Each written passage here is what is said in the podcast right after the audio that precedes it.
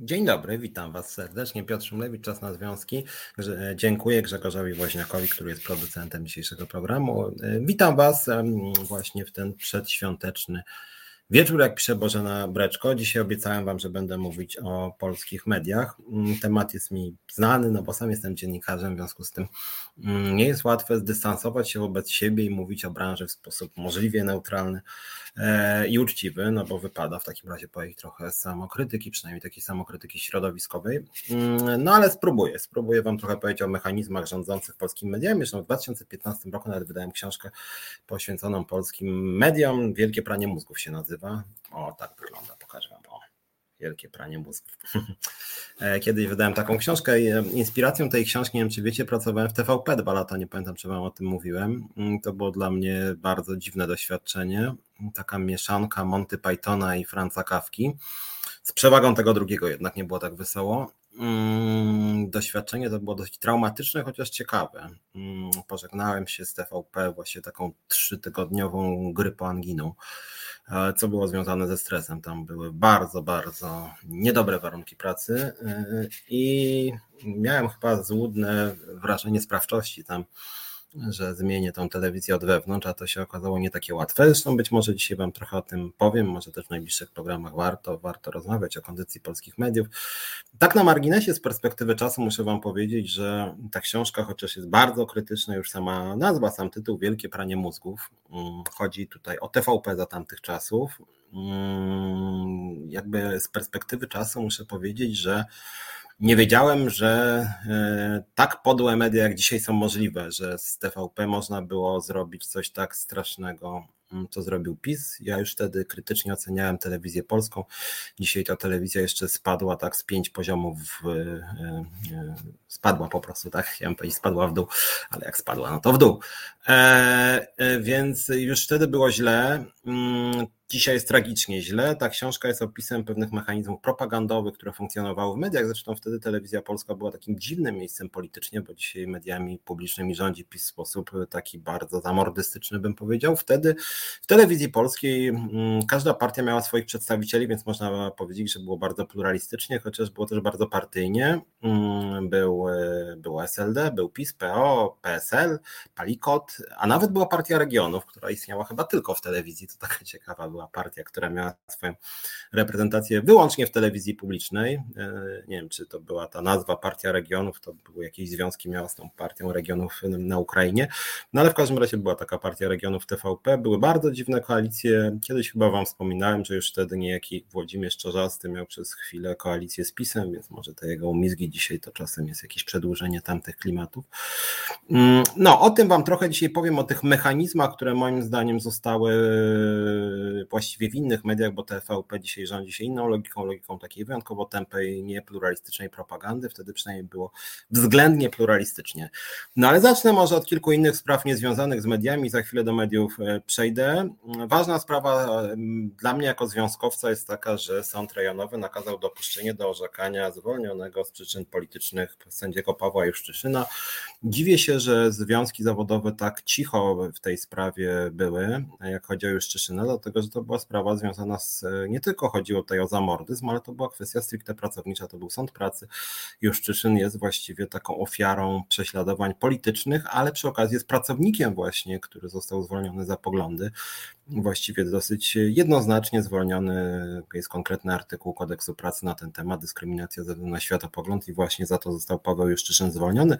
To, co jest oburzające w całej tej sprawie, to nie tylko to, że on został zwolniony za poglądy, ale w momencie, kiedy sąd go dopuścił do pracy, to jego przełożony wrócił e, na stanowisko, bo skończyła mu się kadencja. Chwilę później Ziobro go znowu połował. Jak się okazało, wrócił po to, żeby znowu zawiesić Pawła Juszczyszyna, chociaż zawiesił go tuż po wyroku sądu. W związku z tym PiS tutaj e, w postaci też pana ministra Ziobro otwarcie kpisowie z wyroków sądów, więc jest to bulwersujący przykład bezprawia i przy okazji prześladowań e, po prostu na tle pracowniczym, tak, ze względów politycznych.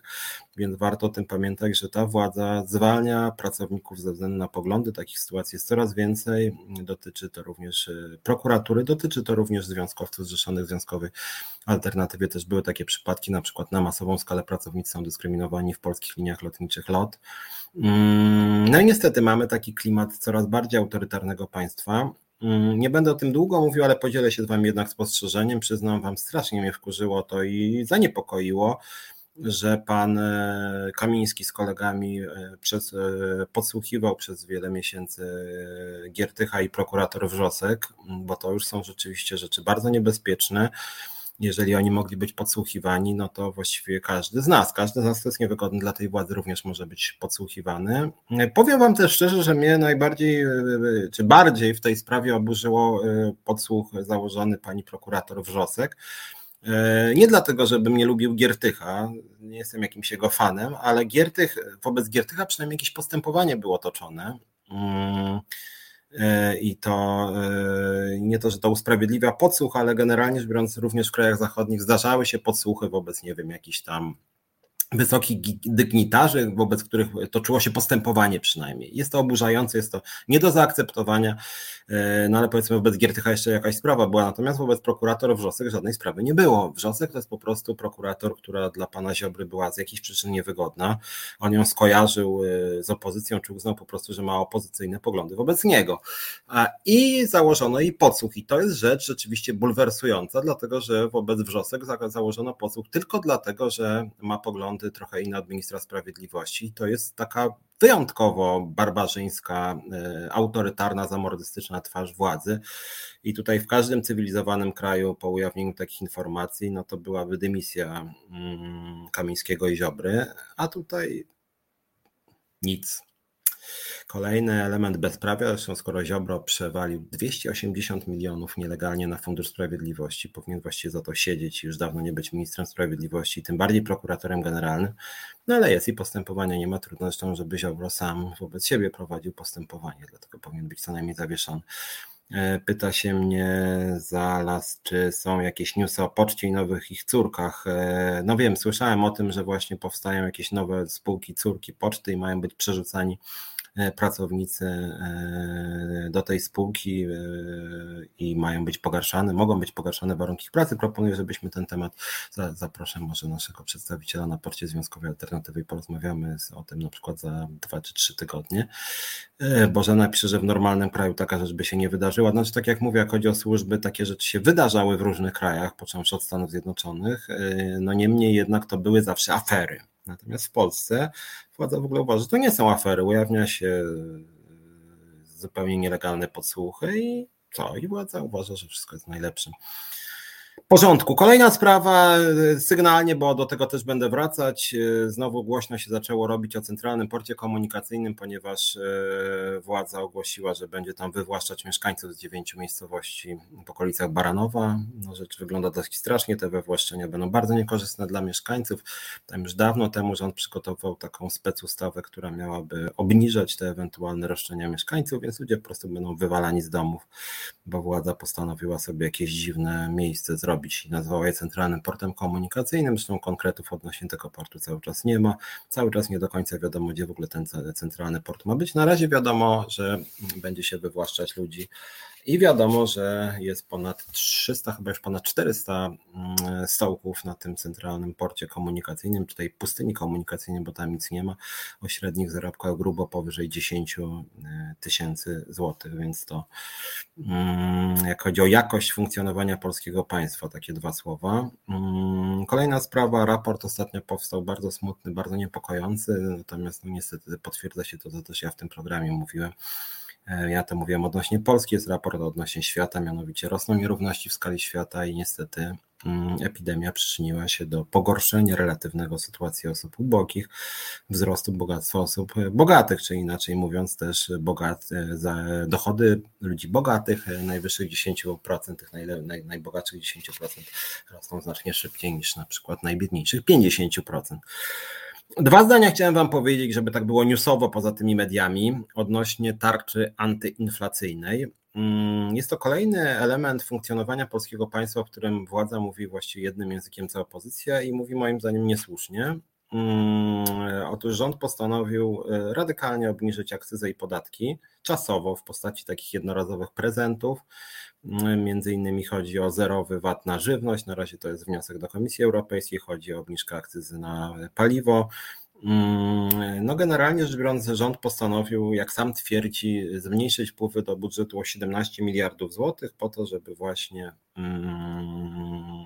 spadły koszty między innymi energii e, i żywności. E, pomijam już taki drobiazg, że to tak nie działa, dlatego że e, może się okazać, że po prostu producenci podniosą ceny na przykład części produktów żywnościowych, mm, więc ludzie aż tak na to nie zwracą uwagi, ale uważam, że to nie jest najlepszy moment, ten straszny moment w sumie, o którym codziennie umiera po 600, 500, 600, już nawet prawie 800 osób dzisiaj, żeby radykalnie obniżać y, podatki. Mm, myślę, że władza powinna być znacznie bardziej ambitna. Zamiast obniżenia podatków, władza powinna dążyć do tego, żeby ludziom, żeby ludzie mieli wyższe pensje, żeby była wyższa jakość usług publicznych, żeby była lepsza ochrona zdrowia. Na to potrzeba pieniędzy, więc być może części z Was też się naraży, ale jestem przeciwny obniżaniu podatków obecnie. Uważam, że państwo powinno wesprzeć obywateli, powinno dążyć do wyższych płac na przykład w szkolnictwie, w ochronie zdrowia, w administracji, e, powinno chronić ludzi przed koronawirusem, mm, powinno uruchomić e, program mm, zamówień publicznych dotyczących właśnie tych spraw związanych z epidemią koronawirusa. No i nic takiego się nie dzieje. Ludzie umierają masowo, a władza jeszcze obniża podatki, mówi, że państwo się de facto będzie zwijać e, co najwyżej państwo się będzie rozwijać, jak chodzi o swoją zamordystyczną działalność, jak chodzi o, e, o zatrudnianie różnych nominatów partyjnych. Natomiast jeśli chodzi o pomoc dla obywateli, no to niestety działa to bardzo, bardzo e, słabo, więc zgadzam się z Chrisem, który pisze, że PiS ośmieszy usługi publiczne, nie tyle ośmieszył, co po prostu je pogarsza ich jakość, coraz bardziej więcej też ludzie płacą za ochronę zdrowia, za szkolnictwo, coraz y, w większym stopniu też y, mamy do czynienia z ubóstwem emerytów, y, osób starszych. Mówiłem o tym i niezmiennie to powtarzam, bo jest to dla mnie bulwersujące i porażające, że w 2020 roku Polska była jedynym krajem, jedynym krajem w Unii Europejskiej, który obniżył wydatki na ochronę zdrowia. Wszystkie inne kraje Unii Europejskiej zwiększyły i zarazem Polska była tym krajem, którym w 2020 roku wydał na zdrowie najmniej ze wszystkich krajów Unii Europejskiej Europejskiej. W związku z tym powtarzam, uważam, że to nie jest czas dobry na to, żeby podatki obniżać, tylko to jest czas dobry na to, żeby państwo interweniowało e, tam, gdzie jest ludzka krzywda. Tej krzywdy jest potwornie dużo, więc moim zdaniem zamiast tej tarczy inflacyjnej powinno się zwiększyć wydatki na ochronę zdrowia, powinno się mm, e, przedstawić bardzo szybko program e, wsparcia dla osób, na przykład, które wyszły z koronawirusem, ale są jakoś przez koronawirusa skrzywdzone. Państwo powinno w większym stopniu lepiej opłacać nauczycieli, pracowników socjalnych, e, pracowników ochrony zdrowia, pracowników e, ZUS-u, pracowników administracji skarbowej. No niestety nic takiego się nie dzieje, zamiast właśnie e, wspierać pracę, lepiej ją opłacać, wspierać usługi publiczne, troszczyć się o ich jakość, państwo woli właśnie takimi PiS woli, takimi populistycznymi sztuczkami czasowo obniżać podatki i doprowadzać do zwijania się państwa. Zresztą przypomnę, że te tarcze, że te tarcze mają obowiązywać e, tylko 2-3 miesiące. E, więc to jest w ogóle bardzo tymczasowe i moim zdaniem po prostu nieskuteczne. Tak? To jest takie odwlekanie problemu, no bo cóż takiego, mm, cóż takiego się stanie za trzy miesiące, że nagle te podatki wrócą do wyjściowego poziomu. Tak? Nagle niby ma spaść radykalnie energia, ceny energii czy gazu. No mam bardzo duże wątpliwości. Chris pisze DOPS 97, rok zamkniemy z ponad 500 tysiącami, 500 tysięcy zgonów, taką śmiertelność mieliśmy w drugiej RP z prawie zerowym dostępem do lekarzy, szpitali i tak dalej. Nie pamiętam jak to było w drugiej RP, nie patrzyłem tych danych, natomiast rzeczywiście ten wskaźnik tych 500 prawie tysięcy zgonów jest najgorszy zdecydowanie w trzeciej RP i rzeczywiście w PRL-u no nie wiem, czy był kiedykolwiek taki wskaźnik, to są wskaźniki najgorsze chyba od czasów wojny po prostu, więc to brzmi dosyć przerażająco. No i jakby rząd nic nie robi, żeby temu przeciwdziałać. W związku z tym muszę powiedzieć, że mnie to szokuje i zamiast właśnie tych tarcz antyinflacyjnych uważam, że lepiej byłoby lepszą tarczą niż, niż obniżanie podatków powinno być właśnie mm, zwiększenie wydatków na ochronę zdrowia, wsparcie dla osób, które z koronawirusa wyszły, a które mają różne objawy, czyli rehabilitacja, mm, czyli różnego rodzaju badania, czyli e, wsparcie dla pracowników socjalnych. Tutaj byli z nami pracownicy socjalni niedawno, więc tego typu rzeczy są moim zdaniem znacznie ważniejsze. Ale chciałem wrócić do telewizji i publicznej, i niepublicznej, do dyskusji na temat też TVN-u. Zacznę od strony pracowniczej. Otóż pół roku temu Związkowa Alternatywa pisała do pana prezesa Jarosława Kaczyńskiego, by zajął się sytuacją w telewizji polskiej. Mm, zarzucaliśmy wtedy telewizji polskiej, telewizji publicznej nie tylko to, że to jest rządowa propaganda, o tym właściwie wszyscy wiemy, czy każdy, który jakoś tam śledzi tę telewizję, to widzi, że to jest propaganda straszna, dosyć kłamliwa. Ale pisaliśmy do pana prezesa Kaczyńskiego w tej sprawie, że w telewizji polskiej są na masową skalę łamane prawa pracownicze. Podkreślaliśmy między innymi mm, wymuszone samozatrudnienie i to tak dziwne, takie dziwne wymuszone samozatrudnienie, gdzie między innymi e, wpisane są zakazy konkurencji, więc nie dość, że jest wymuszone samozatrudnienie dla pracowników, którzy często są, e, spełniają wszystkie wymogi pracy na etat, czyli jest miejsce pracy, czas pracy i podległość służbowa, to jeszcze na ta firma zewnętrzna wobec TVP ma podpisywać z TVP dokument, że tylko z nią będzie współpracować, tak? czyli zakaz konkurencji całkowity. Więc jeszcze większa forma, bym powiedział, podległości. Druga forma umów śmieciowych w telewizji polskiej, czyli nie jednoosobowe, tylko większe firmy zewnętrzne, taki outsourcing i te firmy zewnętrzne wobec telewizji zatrudniały pracowników w ramach umów śmieciowych. Mm, na dodatek jeszcze od tych umów śmieciowych te firmy brały jakieś dziwne prowizje, z tego co wiem 20%. Kilka dni temu zaledwie czytałem na jednym z portali branżowych, że ten proces uśmieciawiania umów, uśmieciowiania umów TVP wręcz przyspieszył. Więc było źle, a jest jeszcze gorzej. Jest to dosyć interesujące, bo konkurencja TVP, z którą PiS obecnie walczy, czyli TVN, gdzie zresztą Związkowa Alternatywa, e, pewnie słyszeliście, założyła swój związek zawodowy, więc kolegom i koleżankom z TVN-u serdecznie gratuluję, oczywiście ich wspieram, często z nimi teraz rozmawiam.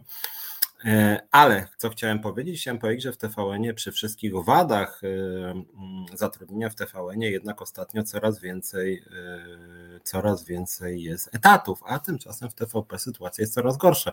Waldemar Wysokiński pisze, po co pisaliśmy do Kaczyńskiego? Pisaliśmy do Kaczyńskiego akurat wtedy, kiedy Kaczyński publicznie i mm, nawet w wiadomościach o tym było, powiedział, że wyeliminuje umowy śmieciowe z polskiego rynku pracy, więc stwierdziliśmy, że telewizja polska akurat od pana prezesa Kaczyńskiego jest bardzo uzależniona. Do Banasia też pisaliśmy w tej sprawie, z tego co pamiętam, do ZUS-u również pisaliśmy, my piszemy szeroko bardzo, do inspekcji pracy, więc piszemy do różnych instytucji, jak widzimy patologię jako związkowa alternatywa, w związku z tym napisaliśmy między innymi do władz Prawa i Sprawiedliwości, bo władze Prawa i Sprawiedliwości powiedziały, że będą walczyć z umowami śmieciowymi, więc my napisaliśmy właśnie do władz PiSu i do pana Kaczyńskiego, jeżeli tak chcecie walczyć ze śmieciówkami, zachęcamy do eliminacji śmieciówek, między innymi z TVP i z polskich linii lotniczych LOT. To są takie dwie właściwie sztandarowe firmy, mm, w które zarazem opierają się głównie na śmieciowym zatrudnieniu. Polskie linie lotnicze LOT y, obecnie zatrudniają pilotów i stewardesy wyłącznie na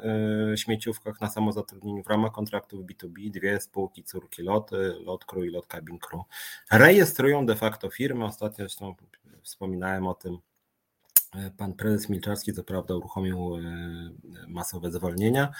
E, pan prezes Milczarski obniżył pensję w pewnym momencie poniżej płacy minimalnej stewardess. Ostatnio kolejne tam były obniżki pensji, a zarazem pan Milczarski zaproponował stewardesom w prezencie pierogi, więc zamiast godnych pensji pierogi, natomiast dla pilotów pan Milczarski zaproponował tam za prawidłowe lądowania czekoladki, więc to jakieś takie dziwne poczucie humoru, już takie, no chyba taka próba upokorzenia pracowników, tak, najpierw się część zwalnia, część się obniża pensja, później się daje pierogi i czekoladki.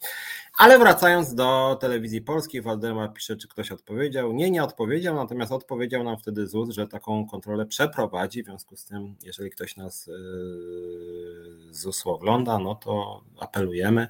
ZUS tak na marginesie yy, ZUS tak na marginesie z nami wojuje, jak chodzi o mm, działalność związkową i cały czas nie chce uznać naszej organizacji, więc łamie ustawę o związkach zawodowych, więc niestety organizacja, która zajmuje się przestrzeganiem mm, prawa, mm, sama to prawo łamie. Więc to tak taki smutny paradoks. E, jak chodzi o funkcjonowanie polskiego państwa, co ze śmieciówkami w Sejmie, pyta Bożena Breczko.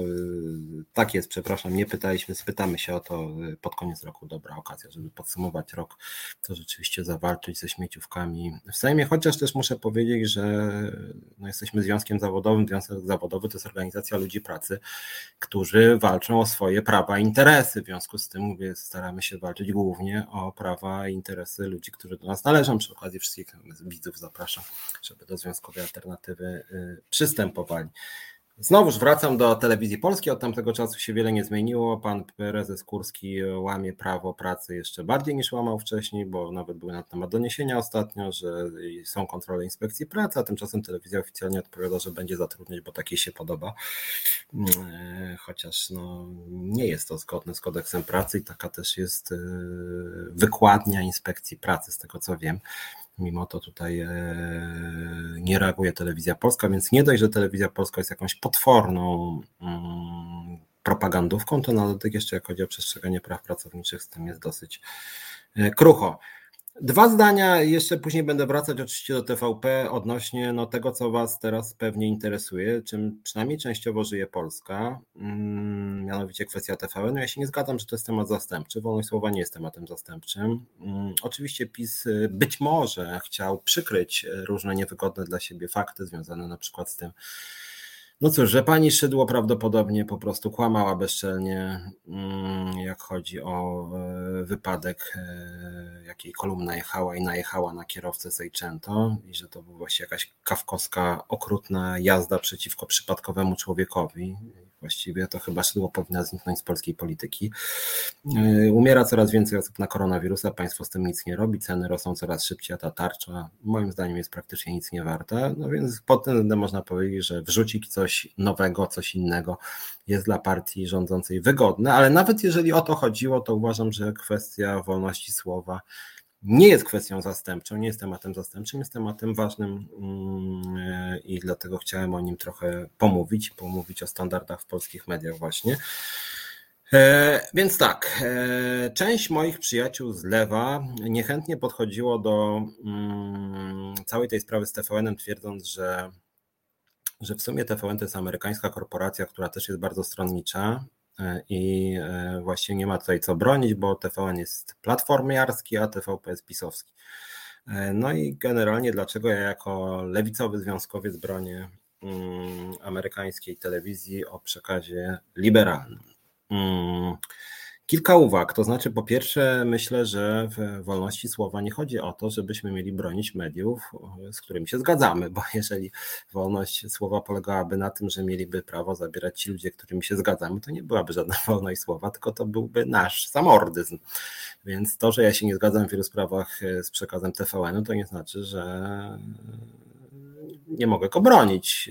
Nie zgadzam się z wieloma elementami przekazu TVN, o czym będę jeszcze mówić, natomiast uważam, że atak na TVN jako ważnego podmiotu na polskiej scenie medialnej, no to ten atak jest po prostu karygodny i niebezpieczny. Mm, niezależnie od tego, jak mówię, czy się z przekazem TVN-u zgadzamy, czy nie. Po drugie, mm, TVN jest jednym z nielicznych mediów dzisiaj, które patrzą na ręce władzy, które władze zadają pytania, które przy okazji mają środki, e, które pozwalają na przykład prowadzić dziennikarstwa śledcze E, związane z awanturami, aferami na szczytach władzy i rzeczywiście TVN obok Onetu myślę, że takich afer wykrywa najwięcej, więc jest zagrożeniem dla władzy i to, że władza się mści na TVN i chce wyeliminować TVN z rynku medialnego, no jest takim brutalnym zamachem na wolność słowa, ponieważ moim zdaniem jedną z głównych misji mediów jest właśnie patrzenie władzy na ręce.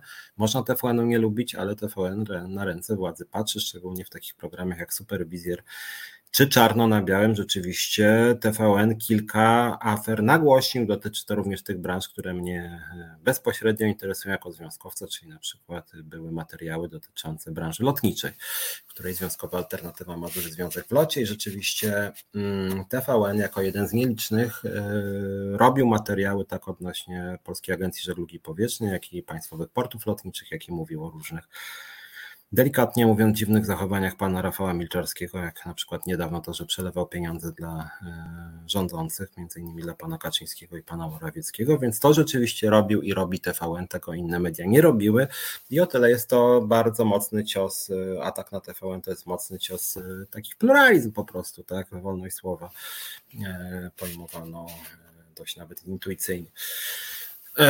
Część osób mówi, że dlaczego fetyszyzować wolność gospodarczą? Ja nie fetyszyzuję wolności gospodarczej, generalnie rzecz biorąc, bliskie są mi poglądy socjalistyczne czy socjaldemokratyczne. Natomiast to, co bym, nie wiem czy fetyszyzował, ale na pewno bronił, to jest powszechność i przewidywalność y, procedur.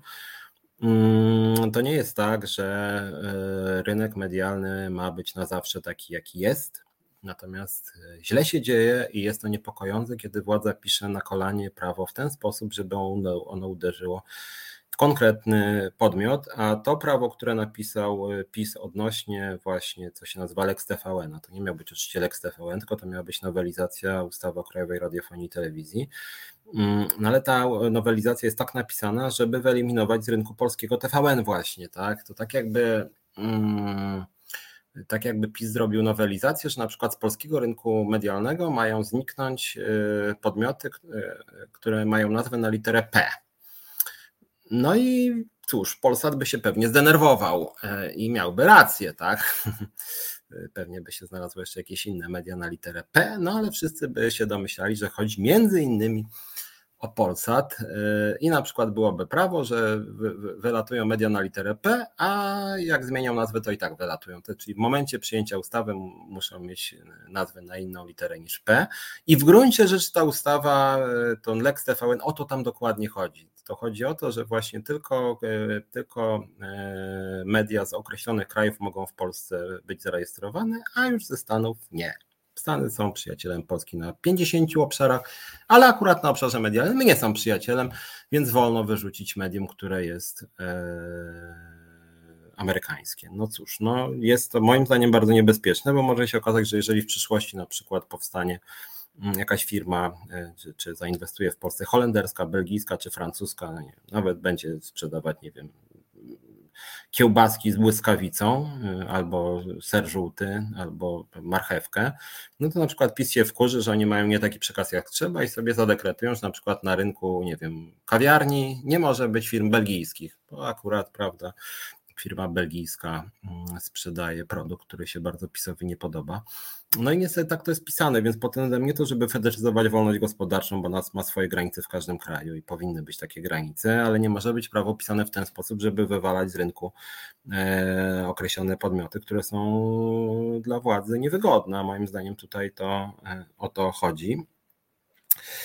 E, więc to tak streszczając w dwóch zdaniach e, moje stanowisko związane właśnie z tym, co się dzieje e, z TVN-em. Boże Bryczko pisze, że Konfederacja podrzuciła tej ustawy zdechłego szczura, którego padł nie zaakceptuje, więc raczej nie podpisze, czyli faktycznie pozbawiła Duda wpływu na wybór szefa telewizji. No i trochę to właściwie jest trochę straszne, trochę śmieszne, że Duda może nie podpisać nie dlatego, że to jest zamordyzm, tylko dlatego, że on straci wpływ na wybór szefa telewizji publicznej. To śmieszne bardzo w sumie. Mm, znaczy śmieszne i straszne zarazem, że polskie prawo i w ogóle prezydent tak bardzo lekceważy sobie prawo, że tam nie będzie się przejmować zamordyzmem wprowadzanym przez władzę, tylko yy, no tylko tym, że straci na coś wpływ. Yy, pyta się mnie Gitar Jam Session, czy będą dzisiaj goście. Tak, będzie Piotr Bocianowski. Chciałem w pierwszej części porozmawiać z Wami trochę właśnie o mediach, Mm, mechanizmach e, medialnych e, i spytać się, co sądzicie o mediach. I również może dzisiaj chciałem się Was pytać, jakim Waszym zdaniem powinny być media, mm, że jeżeli byście mieli właśnie taką możliwość, żeby jakoś ten rynek medialny w Polsce zmienić, to jakie media by Wam się najbardziej podobały, czego byście e, chcieli? E, no, ale e, odpowiadając na pytanie, będzie Piotr Bocianowski. Zmienię temat około godziny 18.10. E, chciałem porozmawiać o bardzo misyjnym temacie, w ogóle dzisiaj trochę misyjnie, bo uważam, że media to też jest bardzo misyjny temat. Z Piotrem chciałem porozmawiać na temat przepisów BHP i wypadków przy pracy, może dla części z Was nie brzmi to fascynująco, to jest bardzo, bardzo ważny temat, być może szczególnie dzisiaj ważny. Od razu może też powiem jeden news, mianowicie bardzo smutny news, mianowicie w pierwszych trzech kwartałach 2021 roku znacznie wzrosła skala wypadków przy pracy. Mm, w okresie styczeń-wrzesień tego roku zgłoszono 43 600 osób pokrzywdzonych w wypadkach przy pracy, czyli o blisko 9% więcej niż rok wcześniej. Zmarło 149 osób. 149 osób zmarło w pracy. E, a wypadków było, jak mówię, 43 e, 600. W związku z tym, no, 43 600 osób z Was, e, no właśnie to, co będzie mówił Piotr Wocianowski, dotyczy to tej skali ludzi, że tak powiem, więc myślę, że to jest temat ważny. Wypadek przy pracy może się każdemu zdarzyć. Z Was mamy teraz bardzo dużo też pracowników zdalnych. Witam Monikę Żelazik też przedświątecznie, niedługo święta będą faktycznie, nie są za wesołe te święta chyba w tym roku dla wielu z nas. No cóż, taki mamy klimat z różnych przyczyn zresztą. Mm, no, ale o tym będziemy mówić po 18. Ja teraz chciałem wrócić do mediów i do mm, tego, jaka jest ich kondycja. Mm, od razu powiem Wam, że moim zdaniem kondycja mediów w Polsce jest strasznie zła. Nie dotyczy to tylko telewizji polskiej, to właśnie w tej mojej książce Wielkie pranie mózgów którą reklamowałem Wam o. Pisałem już o tym 6 lat temu i jak mówiłem Wam, od tego czasu się jeszcze e, pogorszyła ta kondycja mediów. Mówię to jako e, związkowiec, mówię to jako ekspert rynku pracy, polityki społecznej. E, mówię to jako osoba, która pracowała w telewizji polskiej, takie moje może wprowadzenie, jak byłem w telewizji polskiej w latach 2010-12, byłem bardzo romantyczny romantyczny w tym sensie, że przyszedłem tam ufając, że są tam ludzie, którzy chcą po prostu wzbogacać polskie życie publiczne, które chcą realizować misje, nagłaśniać ważne tematy, mm, zachęcać ludzi do myślenia, zadawać krytyczne pytania władzy. Mm, jak widzicie, byłem cały czas chyba jestem taki trochę naiwny, mm, ale wtedy byłem bardzo naiwny i pisałem rzeczywiście do wszystkich prezesów TVP i dyrektorów y, propozycje tematów na temat nierówności społecznych, y, na temat wykluczenia społecznego. Miałem też taki pomysł, żeby była co tydzień debata ekumeniczna y, przedstawicieli różnych religii ateisty, czyli ateista, buddysta, katolik, protestant, muzułmanin, przedstawiciel judaizmu na przykład i by dyskutowali odnośnie życia, śmierci, władzy, rodziny, emancypacji, wielu innych ważnych tematów. No ale wszystkie te moje programy mm, dla ówczesnych dyrektorów y, były uznawane za jakieś dziwne, mm, zbędne, co ty Piotrek, z czym ty tutaj wyskakujesz, tak my tu mamy ważniejsze sprawy, na przykład, żeby tam Niesiełowski wyzywał Kaczyńskiego albo odwrotnie. Mm, no, ale generalnie rzecz biorąc wtedy już muszę powiedzieć, robiłem wiele, żeby właśnie wprowadzić do telewizji publicznej właśnie tą misję, tak jak przynajmniej ja sobie wyobrażałem. Natomiast chciałem powiedzieć e, kilka takich uwag, jak zdążę, e, odnośnie takich mechanizmów władzy w mediach. Chciałem Was uwrażliwić, może jak oglądacie media. Pamiętajcie o tym, może, bo to jest dla mnie jako związkowca kluczowe, pamiętajcie o tym, że media, w tym media publiczne to jest królestwo różnego rodzaju patologii odnośnie rynku pracy. Jeżeli ktoś chce pracować w dużej korporacji medialnej, to ja uważam, że taka praca może być fascynująca, Mm, może być bardzo ciekawa, angażująca mm, właściwie całe życie. Natomiast niestety, jak chodzi o sposób zatrudnienia, o stosunki pracy, to naprawdę bywa nieciekawie. Jestem bardzo dumny jako szef Związkowej Alternatywy, że założyliśmy związek w TVN-ie, mm, bo tam jest bardzo dużo roboty związkowej. Śmiałem się trochę, że nawet powstał pełnomocnik do spraw związków zawodowych. Powstał jeden związek i pojawił się pełnomocnik. To akurat bardzo dobrze oczywiście, że jakby odnotowali nasz związek. Liczę na to, że będą jakoś z nami rozmawiać. E, natomiast powiedziałem o tych patologiach z jednej strony dlatego, że rzeczywiście w mediach dominują umowy śmieciowe i to umowy brutalnie śmieciowe. Strasznie ta praca potrafi być niestabilna. To jest praca bardzo szybka. E, bardzo często trzeba materiał dostarczyć błyskawicznie. No i to jest e, z jednej strony taka adrenalina faktycznie, tak, że rzeczywiście jest tutaj w 6 minut trzeba coś tam zrobić, a z drugiej strony taka szybka praca i gdzie jest mnóstwo wyzwań. Niestety to jest praca wrażliwa na klimaty mobbingowe. To znaczy, bardzo często ludzie są zdenerwowani, e, bardzo często przerzucają e, swoje zdenerwowanie na innych, więc ten klimat no, Moim zdaniem we wszystkich dużych mediach powinny być bardzo rozbudowane komisje antymobbingowe i rzeczywiście tutaj powinien być pełny nadzór, bo rzeczywiście nawet z racji specyfiki tej pracy e, ta atmosfera bywa e, e, różna. Nie będę tutaj wymieniał jakoś specjalnie nazwisk, no ale wszyscy znani szefowie dużych redakcji, no może nie wszyscy, ale duża część Mm, zachowywała się różnie, mówiąc delikatnie, i tutaj, jeżeli nie macie silnych nerwów, to e, praca w telewizji nie jest tutaj lekka. No, z drugiej strony nie można oczywiście usprawiedliwiać różnych przemocowych zachowań, tylko mówię, że one y, często mają miejsce. Ja sam w telewizji publicznej śmiałem się trochę, dlatego że y, na starcie dostałem 1500 zł brutto, 1500 zł brutto. Mm, no i tam mówiłem kolegom i koleżankom z pracy, że słuchajcie, zobaczcie, co ja w ogóle dostałem, jakaś niepoważna oferta, 1500 zł brutto, więc padło od razu pytanie, kogo ty znasz? Z tego względu, że mm, nikt poza mną, znaczy nikt poza mną, no, większość osób z tymi, z którymi rozmawiałem, etatów już nie miała, a ja miałem etat podstawowy 1500 zł brutto płaca minimalna, plus system honoraryjny, czyli za wszystko dostawałem pieniądze, za każdą czynność, czyli napisanie tekstu, nagranie jakiegoś materiału, wydanie jakiegoś programu, mm, przedstawienie pomysłu, który się przebił. E, od razu Wam mówię, że było jakby drugie dno tego, mm, tej propozycji zatrudnienia dla takich ludzi też jak ja, mianowicie w telewizji publicznej był i chyba jest cały czas taki system, że nawet jeżeli ktoś ma etat, ten etat jest potwornie niski, tak, czyli płaca minimalna, a czasem nawet mniej, czasem nawet mniej, czyli nie wiem, 1000 zł wtedy, dzisiaj nie wiem, na przykład 2000 y, brutto, ale uwaga, uwaga, jeżeli ktoś przez trzy miesiące nie znalazł żadnej fuchy, mm, czyli tej właśnie tej części honoraryjnej, tak, mm, to z automatu wylatywał z pracy. E, uruchamiano zwolnienie, czyli przez trzy miesiące trzeba było coś mieć. Dotyczyło to również pracowników w ramach umów cywilnoprawnych. Jeżeli przez trzy miesiące nie robiło się żadnego e, zlecenia, żadnego, nie znalazło się żadnej pracy, to się wylatywało. Oznaczało to, że w momencie, kiedy na przykład, nie wiem, 1 maja zatrudniano grupę ludzi mm, i to w momencie, kiedy oni w pewnym momencie zmieniały się władze w telewizji publicznej, oni tracili e, możliwość dorabiania sobie, to później jak minęło 2,5 miesiąca e, odkąd oni nie mieli żadnego honor, żadnej honoraryjnej pracy, to ostatnie dwa tygodnie, to ja wam muszę powiedzieć, że to było straszne. Znaczy taki, takie bieganie po całej telewizji, błaganie, żeby ktoś im coś dał, bo w telewizji jest taki system, że to można w każdej redakcji w ten sposób sobie robić. Nie? W TVP Historia, TVP Info, TVP 1, 2, tam Agencja Produkcji Telewizyjnej, tam gdzie ja byłem, to było takie jakby mm, grupa dziennikarzy, która właśnie mogła pracować wszędzie.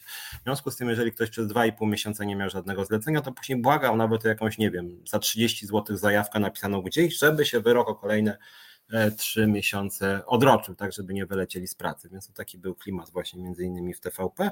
Tak na marginesie ja pisałem o tym w tym swojej książce Wielkie Pranie Mózgów, bo to mm, dlatego powiedziałem, że to jest jakiś miks Kawki i Monty Pythona, bo wyobraźcie sobie, że ja zostałem zatrudniony w TVP przez Facebooka, mm, pewnego pięknego dnia napisał do mnie pan bez zdjęcia, zupełnie mi nieznano, kompletnie nieznanym nazwisku. Cześć Piotrek, przyjdź jutro na Woronicza ogóle na ty, nie pan, panie Piotrze, tylko cześć Piotrek. Mm, więc ja dzień dobry, nie wiem z kim rozmawiam i w jakim celu, dlaczego mam przyjść na Woronicza. Mi napisał, będziesz tam pracował. Mm, no i tak się zaczęła właśnie moja przygoda z TVP. Później takich przygód było sporo, jak przyszedłem, podobnie jak u Kawki, wszyscy mnie znali, wszyscy wiedzieli kim ja jestem, wszyscy wiedzieli do którego pokoju chcę się udać. Część się kłaniała, część mnie nie lubiła, wszystkie bramki były przede mną otwarte. E, no, ale było to tyle kawkowskie, że jak później szybko zauważyłem, mm, nie miałem większych możliwości, większego wpływu na to, co się dzieje. Mm, takim mroczne było trochę moje wejście, muszę powiedzieć. Miałem szczęście, chciałoby się powiedzieć, w takim bardzo dramatycznym tego słowa znaczeniu. Mianowicie jedną z moich pierwszych fuch, nazwijmy to w obrębie tej telewizji, było przeprowadzenie trzech wywiadów z prezesem telewizji ówczesnym, panem Ławniczakiem z SLD skądinąd mówię ze SLD, bo akurat w tej historii to jest ważne, e, jak chodzi o prawa pracownicze. Ja miałem przygotować e, wywiad z tym panem, z tym prezesem i miało to być tak zrobione, że ja przygotowałem i pytania i odpowiedzi. Tyle tylko, że oczywiście to nie było tak, że ja odpowiadałem co chciałem, tylko że grupa jego doradców mi mówiła, jak to ma być napisane. Mm, no właśnie, i dlaczego ja o tym mówię? Dlatego, że pierwsza część tego wywiadu była związana z przygotowywaniem nowych technologii. Ja się interesowałem wtedy nowymi technologiami. Między innymi zacząłem pisać doktorat na temat wpływu nowych technologii na stosunki władzy. Mm, I więc pierwsze było na temat tam technologii w telewizji, drugie to było też o technologii, ale jakoś tam inne aspekty, wdrożenia tam nowych procedur w telewizji publicznej. I uwaga, uwaga, trzeci wywiad miał dotyczyć praw pracowniczych, czyli coś, co jest mi najbliższe. Wtedy ja jeszcze nie byłem związkowcem, ale już ta tematyka mnie mm, interesowała. No i cóż, i się okazało, że intencją pana prezesa było zamienić wszystkie umowy etatowe na śmieciówki. E, wywiad ten miał pójść na, do wszystkich pracowników TVP, więc ja generalnie nie dość, że miałbym zrobić coś całkowicie niezgodnego z moimi poglądami, mm, to jeszcze trochę byłbym spalony, w związku z tym byłbym zmuszony chyba odmówić po prostu. E, ale rzecz się stała mm, taka, że w pewnym sensie zostałem uratowany, ale w takim dosyć mrocznym znaczeniu tego słowa, mianowicie pan prezes zmarł. Zmarł, ponieważ podobno, jak twierdzili jego przyjaciele, nie wytrzymał presji w TVP. Być może to było też tak, że ktoś jemu dał to polecenie Mm, uśmieciowienia wszystkich umów, natomiast no, mówię tą historię nie jakiś tam czarny humor, tylko też, e, też, żeby pokazać, że już wtedy były takie zakusy, żeby uśmieciowić wszystkie umowy i akurat wtedy to się wiązało z ówczesnym SLD, za którym stał niejaki Włodzimierz Czarzasty. Mm, więc to już wtedy były takie klimaty, później był też właśnie była koalicja PiSu z SLD, mm, więc tam było dużo takich bardzo dziwnych elementów z perspektywy nawet dzisiaj, może właśnie nie dziwnych. E, no, ale w każdym razie tak się zaczęła moja przygoda w TVP. Tam było bardzo dużo też takich dziwnych bardzo e, przygód. Mm, jedną z, jedna z przygód, nie wiem czy, czy nie, czytaliście ten tekst, mianowicie kiedyś była taka historia w telewizji polskiej, że pewien młody człowiek napisy były, nie wiem czy do dzisiaj są takie, są takie strony, na których można wpisać dowolny adres mailowy, tak? Czyli na przykład można napisać Donald Tusk i wysyłasz jako Donald Tusk, tak? Chociaż nazywasz się Jerzy Malinowski, tak? I pewien młody człowiek wpadł na taki pomysł, że z takiej strony y, wpisał biuro y, prezydenta.pl i napisał do władz telewizji polskiej, wtedy prezydentem był pan Bronisław Komorowski. Y, człowiek miał lat 20 chyba 5 mniej więcej i napisał w imieniu prezydenta Komorowskiego maila do władz telewizji publicznej. Mm, mniej więcej o treści. Jest taki młody człowiek, nazywa się taki tak. Jest bardzo zdolny. Dobrze byłoby, żeby pracował w telewizji. E, chętnie przyjedzie i przedstawi swoje propozycje, swój program. Mm, prezydent podpisano tam Bronisław Komorowski, tak? I co zrobiła telewizja publiczna? Telewizja publiczna mm, napisała: Zapraszamy serdecznie młodego człowieka, żeby przedstawił swoje propozycje. E, no i on je przedstawił. E, I cóż, i właśnie przedstawił e, jakieś takie banały trochę, to znaczy, no nie wiem, jakąś tam, że z kimś tam będzie, ktoś, ktoś tam z kimś sobie będzie dyskutować, nic, nic szczególnego, tak? No ale generalnie zaproponował program, telewizja publiczna go przyjęła, wszystkie bramki przed nim otwarte, traktowany po królewsku ten 26-latek, który, jak mówię, w imieniu prezydenta sam napisał, że dobrze byłoby go przyjąć. Mm, wraca do domu i napisał znowuż ten 26-latek w imieniu prezydenta. Yy, no, słyszałem, że właśnie ten yy, pan 26-latek był w TVP, ciekawa rozmowa. Proponowałbym zatrudnienie tego młodego człowieka, puszczenie tego jego programu i płacenie mu 16 tysięcy złotych miesięcznie co odpisała władza telewizji polskiej. Władza telewizji polskiej, telewizji publicznej odpisała, że niestety jest w bardzo trudnej sytuacji finansowej, więc nie może młodemu człowiekowi oferować 16 tysięcy złotych, ale może 12 tysięcy. Więc to tak gwoli mm, klimatu, jaki panował wtedy w TVP, taka ciekawostka. Sprawa wyszła na jaw wtedy, bo to chyba była jakaś akcja jednej grupy przeciwko drugiej grupie, no ale to pokazuje, jaki też był wpływ wtedy pana Komorowskiego, tak, że jakiś e, młody człowiek, który sobie coś tam wymyślił na poczekaniu, że byli gotowi mu płacić 12 tysięcy złotych miesięcznie za to, co wymyślił na kolanie. No, ale chciałem powiedzieć dzisiaj o paru rzeczach e, systemowych w telewizji polskiej, bo to zacząłem tak anegdotycznie. Tak jak już mówiłem w całym tym sporze, oczywiście zdecydowanie bronię TVN-u, bo uważam, że jest to jeden z ważnych podmiotów na polskim rynku medialnym i warto go bronić chociażby dlatego, że patrzy władzy na ręce.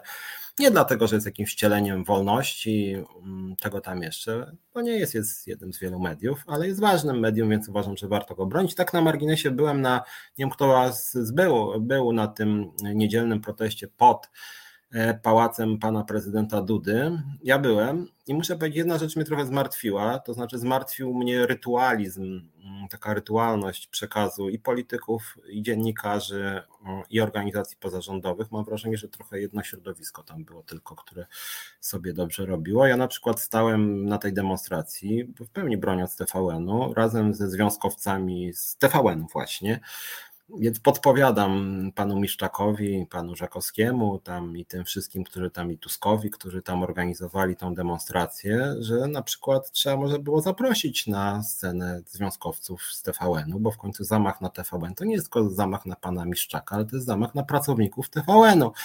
Wydaje mi się, że też bardziej byłoby przekonujące ta obrona TVN-u, gdyby właśnie na przykład na tej scenie stanął lider naszego związku w TVN-ie właśnie i gdyby pokazał, że on też pracuje pracuje w TVN, że pracują tysiące pracowników i że próba likwidacji TVN-u to jest atak na tych pracowników. No więc nikomu nie wpadło to do głowy, bo dlatego, że nasze drogie elity uznały tam na scenie, że e, TVN to jest Miszczak, a nie mm, pracownicy TVN-u, tak?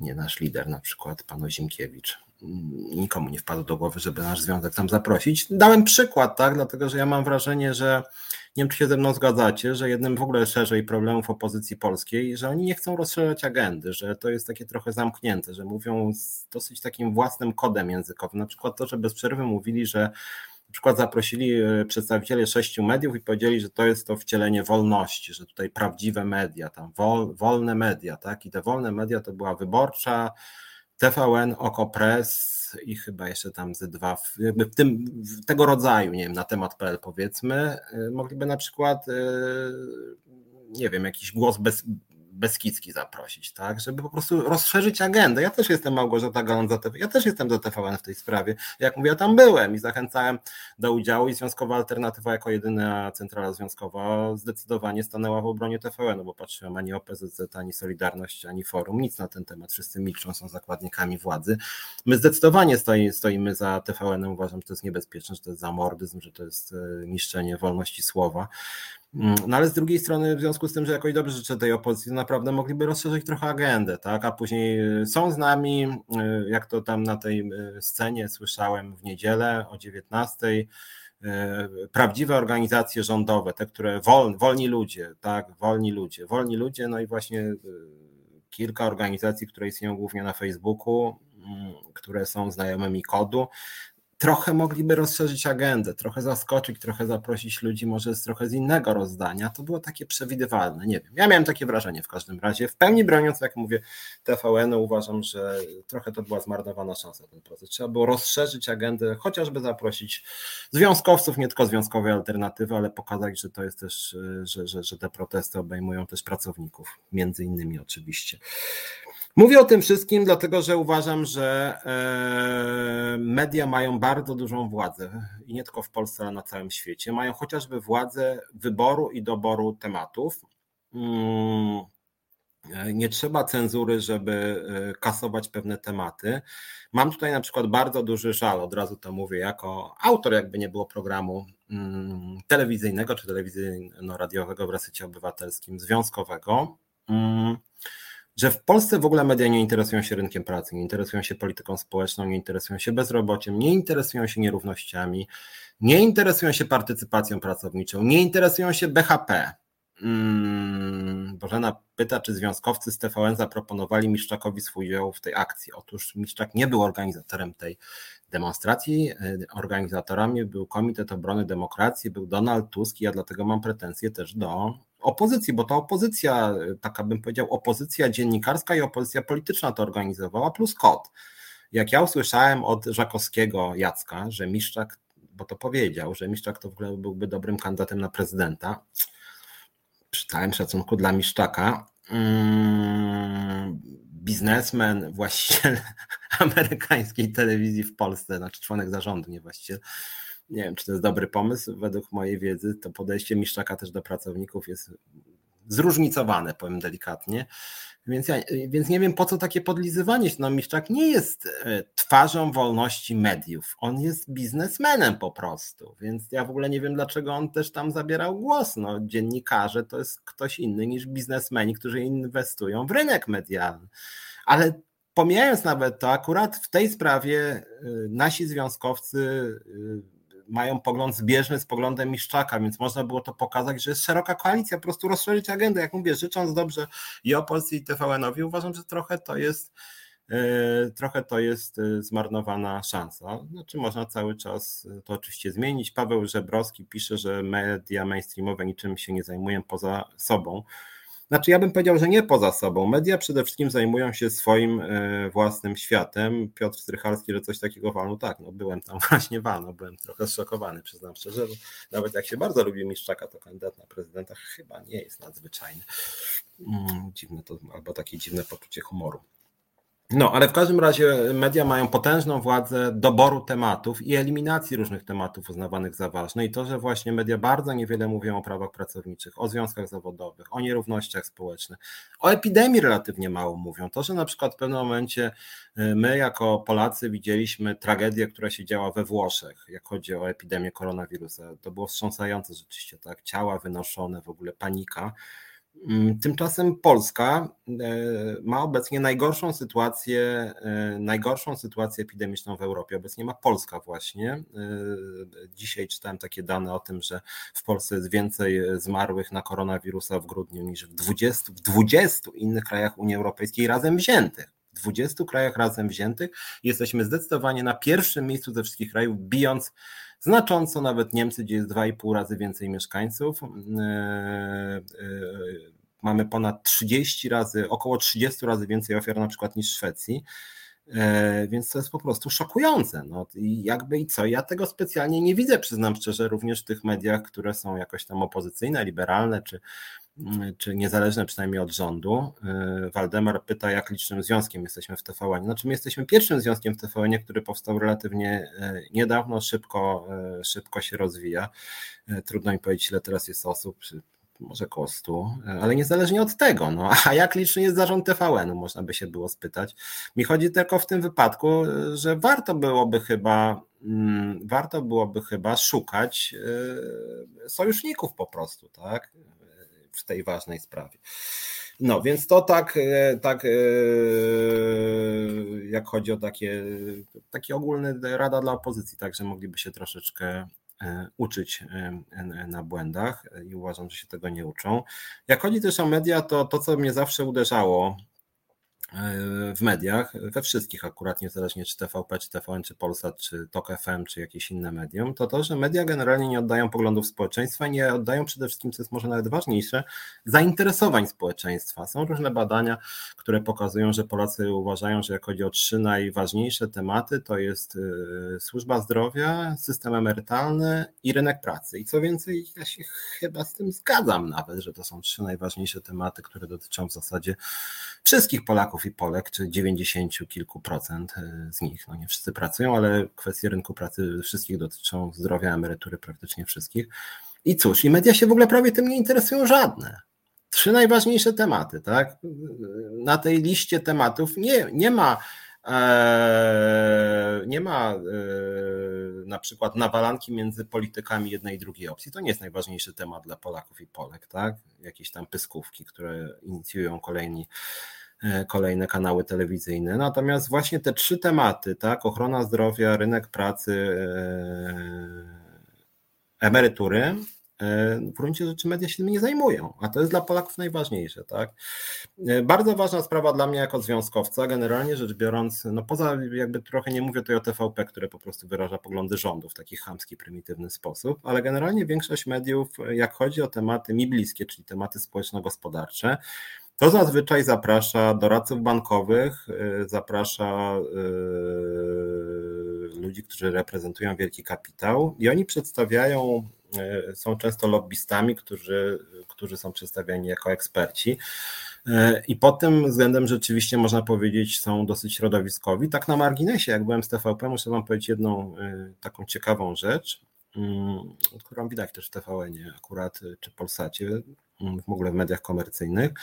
Mianowicie w telewizji kluczową sprawą jest nie tyle nawet oglądalność, co kluczową sprawą jest oglądalność w grupie docelowej 1649. I zawsze jakbyście poczytali raporty dotyczące oglądalności, to jest oglądalność w ogóle wszystkich Polaków i Polek i oglądalność w grupie docelowej 1649. Dlaczego 1649? Dlatego, że z jakichś przyczyn e, duże media uznały, że to jest grupa reklamowo najbardziej atrakcyjna mm, i oglądalność w tej grupie gwarantuje wyższe ceny reklam. Mm, dlatego wiele programów jest y, tworzonych pod grupę docelową 1649, 16, szczególnie 1649 dużych miast i szczególnie 1649 o wysokich dochodach, ponieważ to jest właśnie grupa docelowa dla reklam, a reklamy dają mediom komercyjnym wpływy. Mm, w związku z tym pamiętajcie o tym, że duża część przekazu, również takiego merytorycznego w e, części mediów, to jest, jest robiona pod grupę docelową 1649, tą grupę właśnie atrakcyjną reklamowo. Warto o tym pamiętać. Kolejne ważne, ważne sprawy, które mnie zawsze uderzały, mm, to media w Polsce są kajecikowe. Mm, jak ja pracowałem w TVP, to wydawcy, reporterzy też właśnie mieli swoje kajeciki i w tych kajecikach było trzech socjologów, dwóch filozofów, dwóch ekspertów polityki społecznej, trzech profesorów ekonomii, 36 polityków. Mniej więcej tak to wyglądało. Jak się było w tym kajeciku, to się trafiało do różnych programów. Jak się w tym kajeciku nie było, to się trafiało od okazji do okazji. Oczywiście związkowców specjalnych w tych kajecikach nie było żadnych. To jest o tyle smutne, że w, e, że w ustawie o Krajowej Radiofonii i Telewizji, o której teraz jest też dyskusja na innym polu, akurat jest wpisane, że się partnerów społecznych zaprasza. A tymczasem poza panem Dudą to telewizja publiczna obecnie w ogóle żadnych związkowców ani pracodawców, nawet bo tam partnerzy społeczni, czyli związkowcy i pracodawcy, telewizja publiczna nie, w ogóle partnerów społecznych nie promuje. Więc warto, warto o tym pamiętać, że tutaj również są e, łamane przepisy. No ale to wszystko dlatego, że, tele, że, że głównie wydawcy mają te swoje kajeciki, właśnie w którym jest grupa tych 60 nazwisk, zresztą telewizje się tymi kajecikami mm, wymieniają. E, zawsze na mnie robiło wrażenie e, też setkowość telewizji.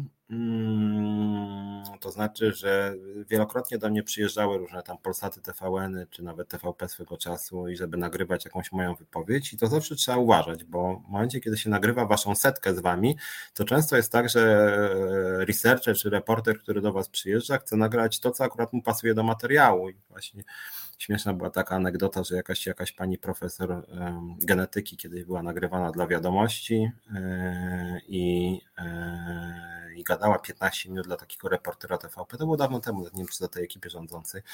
No i tam poinformowała wszystkich swoich tam kolegów i koleżanki z katedry, że wreszcie o genetyce telewizja publiczna robi materiał w wiadomościach, głównym wydaniu i że ona będzie bardzo mądrze się wypowiadać. Mm, no i się co okazało? Okazało się, że puścili jedno zdanie, które mówi, że genetyka jest bardzo ważną nauką. I to było właśnie jej nagranie dla telewizji publicznej, którym się tak bardzo e, chwaliła i często rzeczywiście już czasem jak mnie nagrywa jakaś telewizja, to chciałbym się spytać, no dobra, to co wy chcecie ode mnie usłyszeć? To ja wam powiem, czy się zgadzam na to, czy się nie zgadzam. Bo często to się do tego, e, do tego się e, sprowadza. Mm, Bożena Breczko, zdaje się, że Solidarność pana Dudy spaliła się na związkowej arenie międzynarodowej. Eee, znaczy, ona jest moim zdaniem spalona tak naprawdę od lat i to nie chodzi tylko o arenę międzynarodową, bo no cóż, Solidarność to jest taki PiS, jak chodzi o scenę międzynarodową. To znaczy, że oni otwarcie bronią ksenofobicznych poglądów antyfeministycznych, otwarcie wspierają władzę. No i to jest trochę obciach, dlatego że e, e, międzynarodówka związkowa jest generalnie profeministyczna, promigrancka, przede wszystkim jest e, przeciwko dyskryminacji. Zresztą no, związkowa alternatywa też jest zdecydowanie przeciwko jakimkolwiek formom dyskryminacji. Choćby z tego powodu, że zakaz dyskryminacji jest bardzo jasno w kodeksie pracy wpisany. Mm, mówiłem o tym nieraz w dzisiejszym, e, w wielu programach e, w resecie obywatelskim, więc Solidarność na przykład wspierając jakieś akcje przeciwko, nie wiem, LGBT albo przeciwko migrantom, potem to po prostu się kompromituje. No ostatnio chodziło o to, że y, tygodnik Solidarność y, promował y, panią Le Pen i tam jeszcze takiego drugiego skrajnego prawicowca z Francji, którzy tak na marginesie, poza tym, że są antymigrancy, to są też antypracowniczy, więc w ogóle nie wiem, dlaczego Solidarność takich ludzi promuje pod jakimkolwiek względem, tego nie rozumiem. No i centrala francuska związkowa zgłosiła wniosek, żeby wyrzucić właśnie Solidarność z tej międzynarodówki Federacji Związków Zawodowych, tej europejskiej. Zobaczymy, jaka będzie przyszłość tego wniosku. Chociaż tak między nami to ja uważam, że i Solidarność i OPZZ to są jakieś dziwne molochy, które kompletnie nic nie robią, o nic nie walczą i generalnie są splatane, splecione z władzą bardzo blisko, dbają głównie o swoje mm, kieszenie po prostu. Różne wpływy też od władzy. Mają dosyć hojnie z samego RDS-u, tam kilkaset tysięcy złotych rocznie. E, Guitar Jam Session pisze, że nic nie słychać o działalności związków zawodowych w Polsce. Mm, no cóż, my jako Związkowa Alternatywa mówimy, robimy co możemy. Też słychać chociażby w tym programie. Przypominam, jestem liderem Związkowej Alternatywy. Zapraszam Was wszystkich do wstępowania. Ostatnio e, zaczęliśmy właśnie działać e, w TVN czy wśród pracowników cywilnych policji, gdzie domagamy się 1000 zł mm, netto podwyżki. To jest grupa bardzo zaniedbywana, więc staram się między innymi w tym programie właśnie tak takie sprawy mm, nagłaśniać związkowe i forsować również e, różnego rodzaju tematy związkowe. Zaraz robimy przerwę, po której wejdzie właśnie Piotr Bocianowski koło za kilka minut. Kilka jeszcze takich wątków, które mnie zawsze męczyły w mediach, bo powiedziałem, że chciałem Wam powiedzieć o kilku takich mechanizmach przekazu medialnego mm, które są szkodliwe, niebezpieczne i na które moglibyście być e, też e, wrażliwi. Jednym z takich mechanizmów, który ja to widzę, jest na przykład warszawocentryzm, jak ja to nazywam. To znaczy, jakbyście się przyjrzeli, zdecydowana większość materiałów telewizyjnych dotyczy Warszawy, dotyczy tego, co się dzieje w Warszawie. Też dlatego, że największe stacje są w Warszawie, ale rzeczywiście jest tak, że ten warszawocentryzm jest bardzo taki demonstracyjny. Eee, Mm, to z jednej e, strony. Z drugiej strony na pewno europocentryzm, nie mówiąc już o polskocentryzmie. Polskie media mówią zdecydowanie najwięcej o Polsce, w tym nawet nie ma nic, nic dziwnego, e, tyle tylko, że mogłyby cokolwiek mówić o innych e, krajach, a mówią bardzo niewiele czasem o Niemczech, ewentualnie, jak wiemy, szczególnie TVP, to tutaj, aha, Waldemar Wysokiński wstąpi do Was i zarządzam od siebie podwyżki, to znaczy my skupiamy pracowników, więc jeżeli Pan jest biznesmenem, to to nie wiem, czy jest sens, żeby pan przystępował, bo związki skupiają głównie pracowników, ewentualnie tych, którzy są, mają, są na wymuszonym samozatrudnieniu, czy w resecie związek zawodowy. No cóż, ja jestem związkowcem, zapraszam wszystkich y, pracowników resetu do wstępowania, zresztą w resecie właściwie pracowników nie ma specjalnie, są prowadzący, ale słuszne pytanie, jeżeli oglądają nas inni mm, dziennikarze Resetu, to ja serdecznie oczywiście do Związkowej Alternatywy zapraszam. Też warto, żebyśmy rozmawiali i żebyśmy się upodmiotawiali również jako członkowie e, Resetu Obywatelskiego. Ja, ja związkowcem jestem wszędzie i w Resecie, i w, związ- i w Związkowej Alternatywie, i we wszystkich czynnościach, które wykonuję. Jak wiecie, kiedyś byłem E, jak miałem program w Halo Radio, też doszło do sporu, ponieważ uważam, że tam były e, łamane prawa pracownicze. E, gdyby liderzy Solidarności OPZ zrobili cykliczny program, byłaby w nim wyłącznie propagandowa pyskówka, niczym innym nie dysponują, mówi Tomasz Szyndralewicz. Moim zdaniem to nie byłaby nawet pyskówka, oni po prostu mają niewiele do powiedzenia i oni milczą właśnie dlatego, że im to milczenie odpowiada, ponieważ im chodzi głównie o to, żeby zachować jakieś, jakieś swoje e, wpływy. I tyle. No im zależy nawet na tym, żeby siedzieć cicho. Przecież no nawet to, co się stało w e, szkolnictwie, także był strajk i nagle pan Broniarz z kolegami skasowali mm, ten strajk jakimś, nie wiem, 15 minut właściwie, to było błyskawicznie, zupełnie tego nie rozumiem. Dobra, zaraz robimy przerwę. Oczywiście jeszcze w te, można bardzo dużo mechanizmów mówić medialnych, e, jakie są, na które warto być uczulonym. Na przykład to, co mnie zawsze bolało w mediach, to jest autorytaryzm. To jest to, że są autorytety, które się zaprasza na przykład do studia mm, jako pojedynczych gości, tak, czyli na przykład, nie wiem, Balcerowicz, Kołotko, e, kiedyś to był Bartoszewski, Dziwisz. Są takie osoby, które się traktuje jako ikony, im się nie zadaje trudnych pytań, co uważam, że jest sprzeczne z jakimkolwiek etosem dziennikarskim, dlatego że w dziennikarstwie nie powinno być e, równych i równiejszych. Wszyscy powinni mieć równo e, trudne pytania i wszyscy powinni być E, traktowani tak samo, więc nie wiem dlaczego na przykład Balcerowicz czy, czy Kołotko zawsze przychodzą sami, a na przykład nie wiem, Arłukowicz przychodzi z kimś tam drugim, żeby się z nim kłócić. Mm, dziwi mnie też to, że że jest bardzo niewiele, e, bardzo niewiele debat między wyborami. Dlaczego na przykład my jako widownia, jako obywatele, jako elektorat nie możemy obserwować co dwa miesiące na przykład sporów największych liderów partyjnych? Dlaczego na przykład Kaczyński i Tusk nie mogliby rotacyjnie co dwa miesiące ze sobą się spierać godzinę? Raz w TVP, raz w TVN, raz w Polsacie, a raz proszę bardzo w resecie obywatelskim. Zapraszam pana Tuska i pana Kaczyńskiego, żeby sobie e, mogę ich przepytać, równo ich potraktuję, nie ma problemu. Jestem profesjonalistą, jak miałem kiedyś, e, kiedyś program mm, z prawicowymi dziennikarzami, to im mówił, że nawet jak ja bym należał do partii, to byłbym bardziej obiektywny niż oni. Jakby do tej partii nie należeli, zresztą dziennikarze TVP dzisiaj mm, no, są właściwie funkcjonariuszami partii. No, więc to chciałem takie dwa słowa wprowadzenia o tych mediach zrobić. Y, ja Was oczywiście zachęcam, żebyście bronili pluralizmu y, medialnego. W pełni bronię TVN-u, natomiast jestem zmartwiony tym, że również w TVN-ie i szkoda, mm, bardzo, bardzo mało jest y, wątków, tematów związanych z gospodarką, z polityką społeczną, z nierównościami społecznymi, z ochroną zdrowia, z systemem emerytalnym. Nie ma tak naprawdę tych tematów, którymi ludzie żyją. E, również kiedyś w Polsacie na przykład był nawet program e, Polsat Biznes, w którym zdarzało mi się 20 minut rozmawiać o płacy minimalnej czy o płacach budżetówce i ten Polsat Biznes likwidowano, zastąpiono zdaje się Polsatem 2, gdzie już takich tematów jest bardzo niewiele. Jest TVN Biznes i Świat, ale tamte debaty, dyskusje na ważne sprawy jak są, to trwają zazwyczaj 7-9 minut, więc szkoda, że mm, media pod tym względem też nie troszczą się o jakość demokracji, e, dlatego że rzeczywiście nagłaśnianie ważnych spraw to jest część demokracji.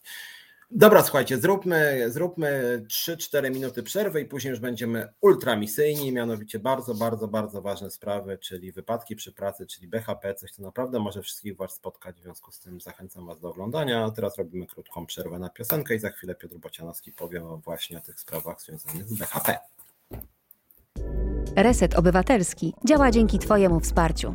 Znajdź nas na zrzutka.pl. I wracamy. Piotr Szymlewicz, czas na związki.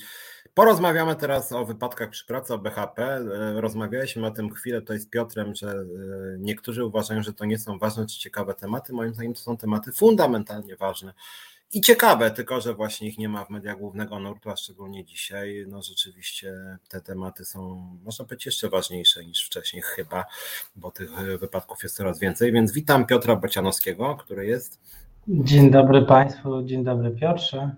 Cześć, więc spróbujemy trochę jednak przybliżyć e, Wam właśnie te kwestie wypadków przy pracy, kwestie bezpieczeństwa, higieny pracy. Później jeszcze jak pójdziesz, może przez 15 minut spróbuję to jakoś uzupełnić, co powiesz.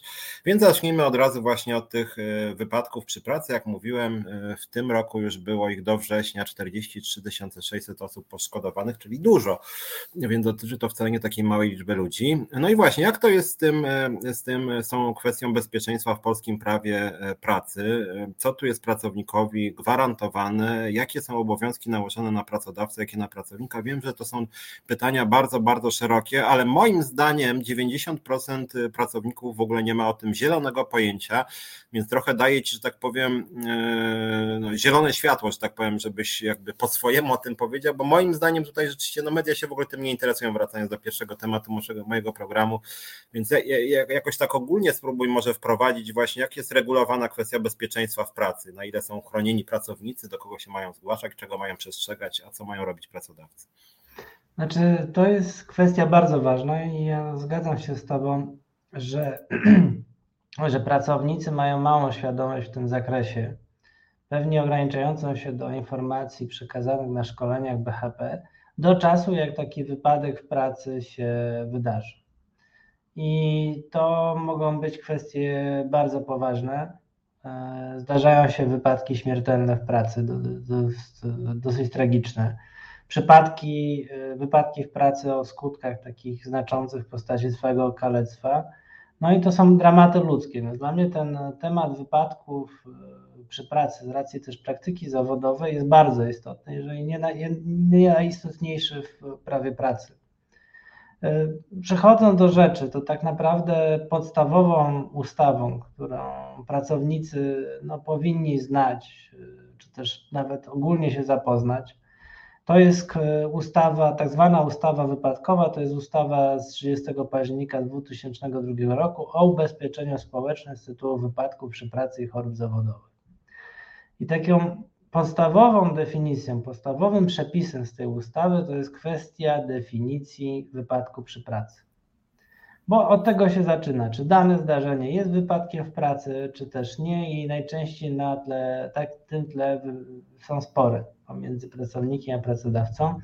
Definicja jest dość złożona, bo przede wszystkim e, wskazuje się, że wypadek przy pracy jest to zdarzenie, do którego doszło podczas lub w związku z wykonywaniem przez pracownika zwykłych czynności, poleceń przełożonych, czynności na rzecz pracodawcy nawet bez polecenia, a także wtedy, gdy wypadek nastąpił w czasie pozostawania pracownika w dyspozycji pracodawcy w drodze między siedzibą pracodawcy a miejscem wykonywania obowiązku, czyli tak zwane dojeżdżanie do pracy.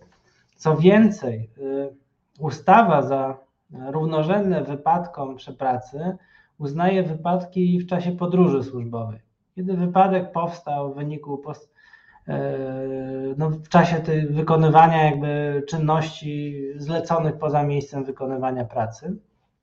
No, tam jest wyjątek, jeżeli to jest powstał ten wypadek, e, czy to zdarzenie w wyniku postępowania pracownika nie mającego związku z wykonywaniem powierzonych mu zadań, czyli na przykład podczas noclegu w, w, w hotelu pod tym, po czasie już wykonywania pracy. I to jest część jakby jedna definicja. Druga to wskazanie, że wypadkiem jest zdarzenie wywołane przyczyną zewnętrzną powodującą uraz lub śmierć, która nastąpiła w związku z pracą.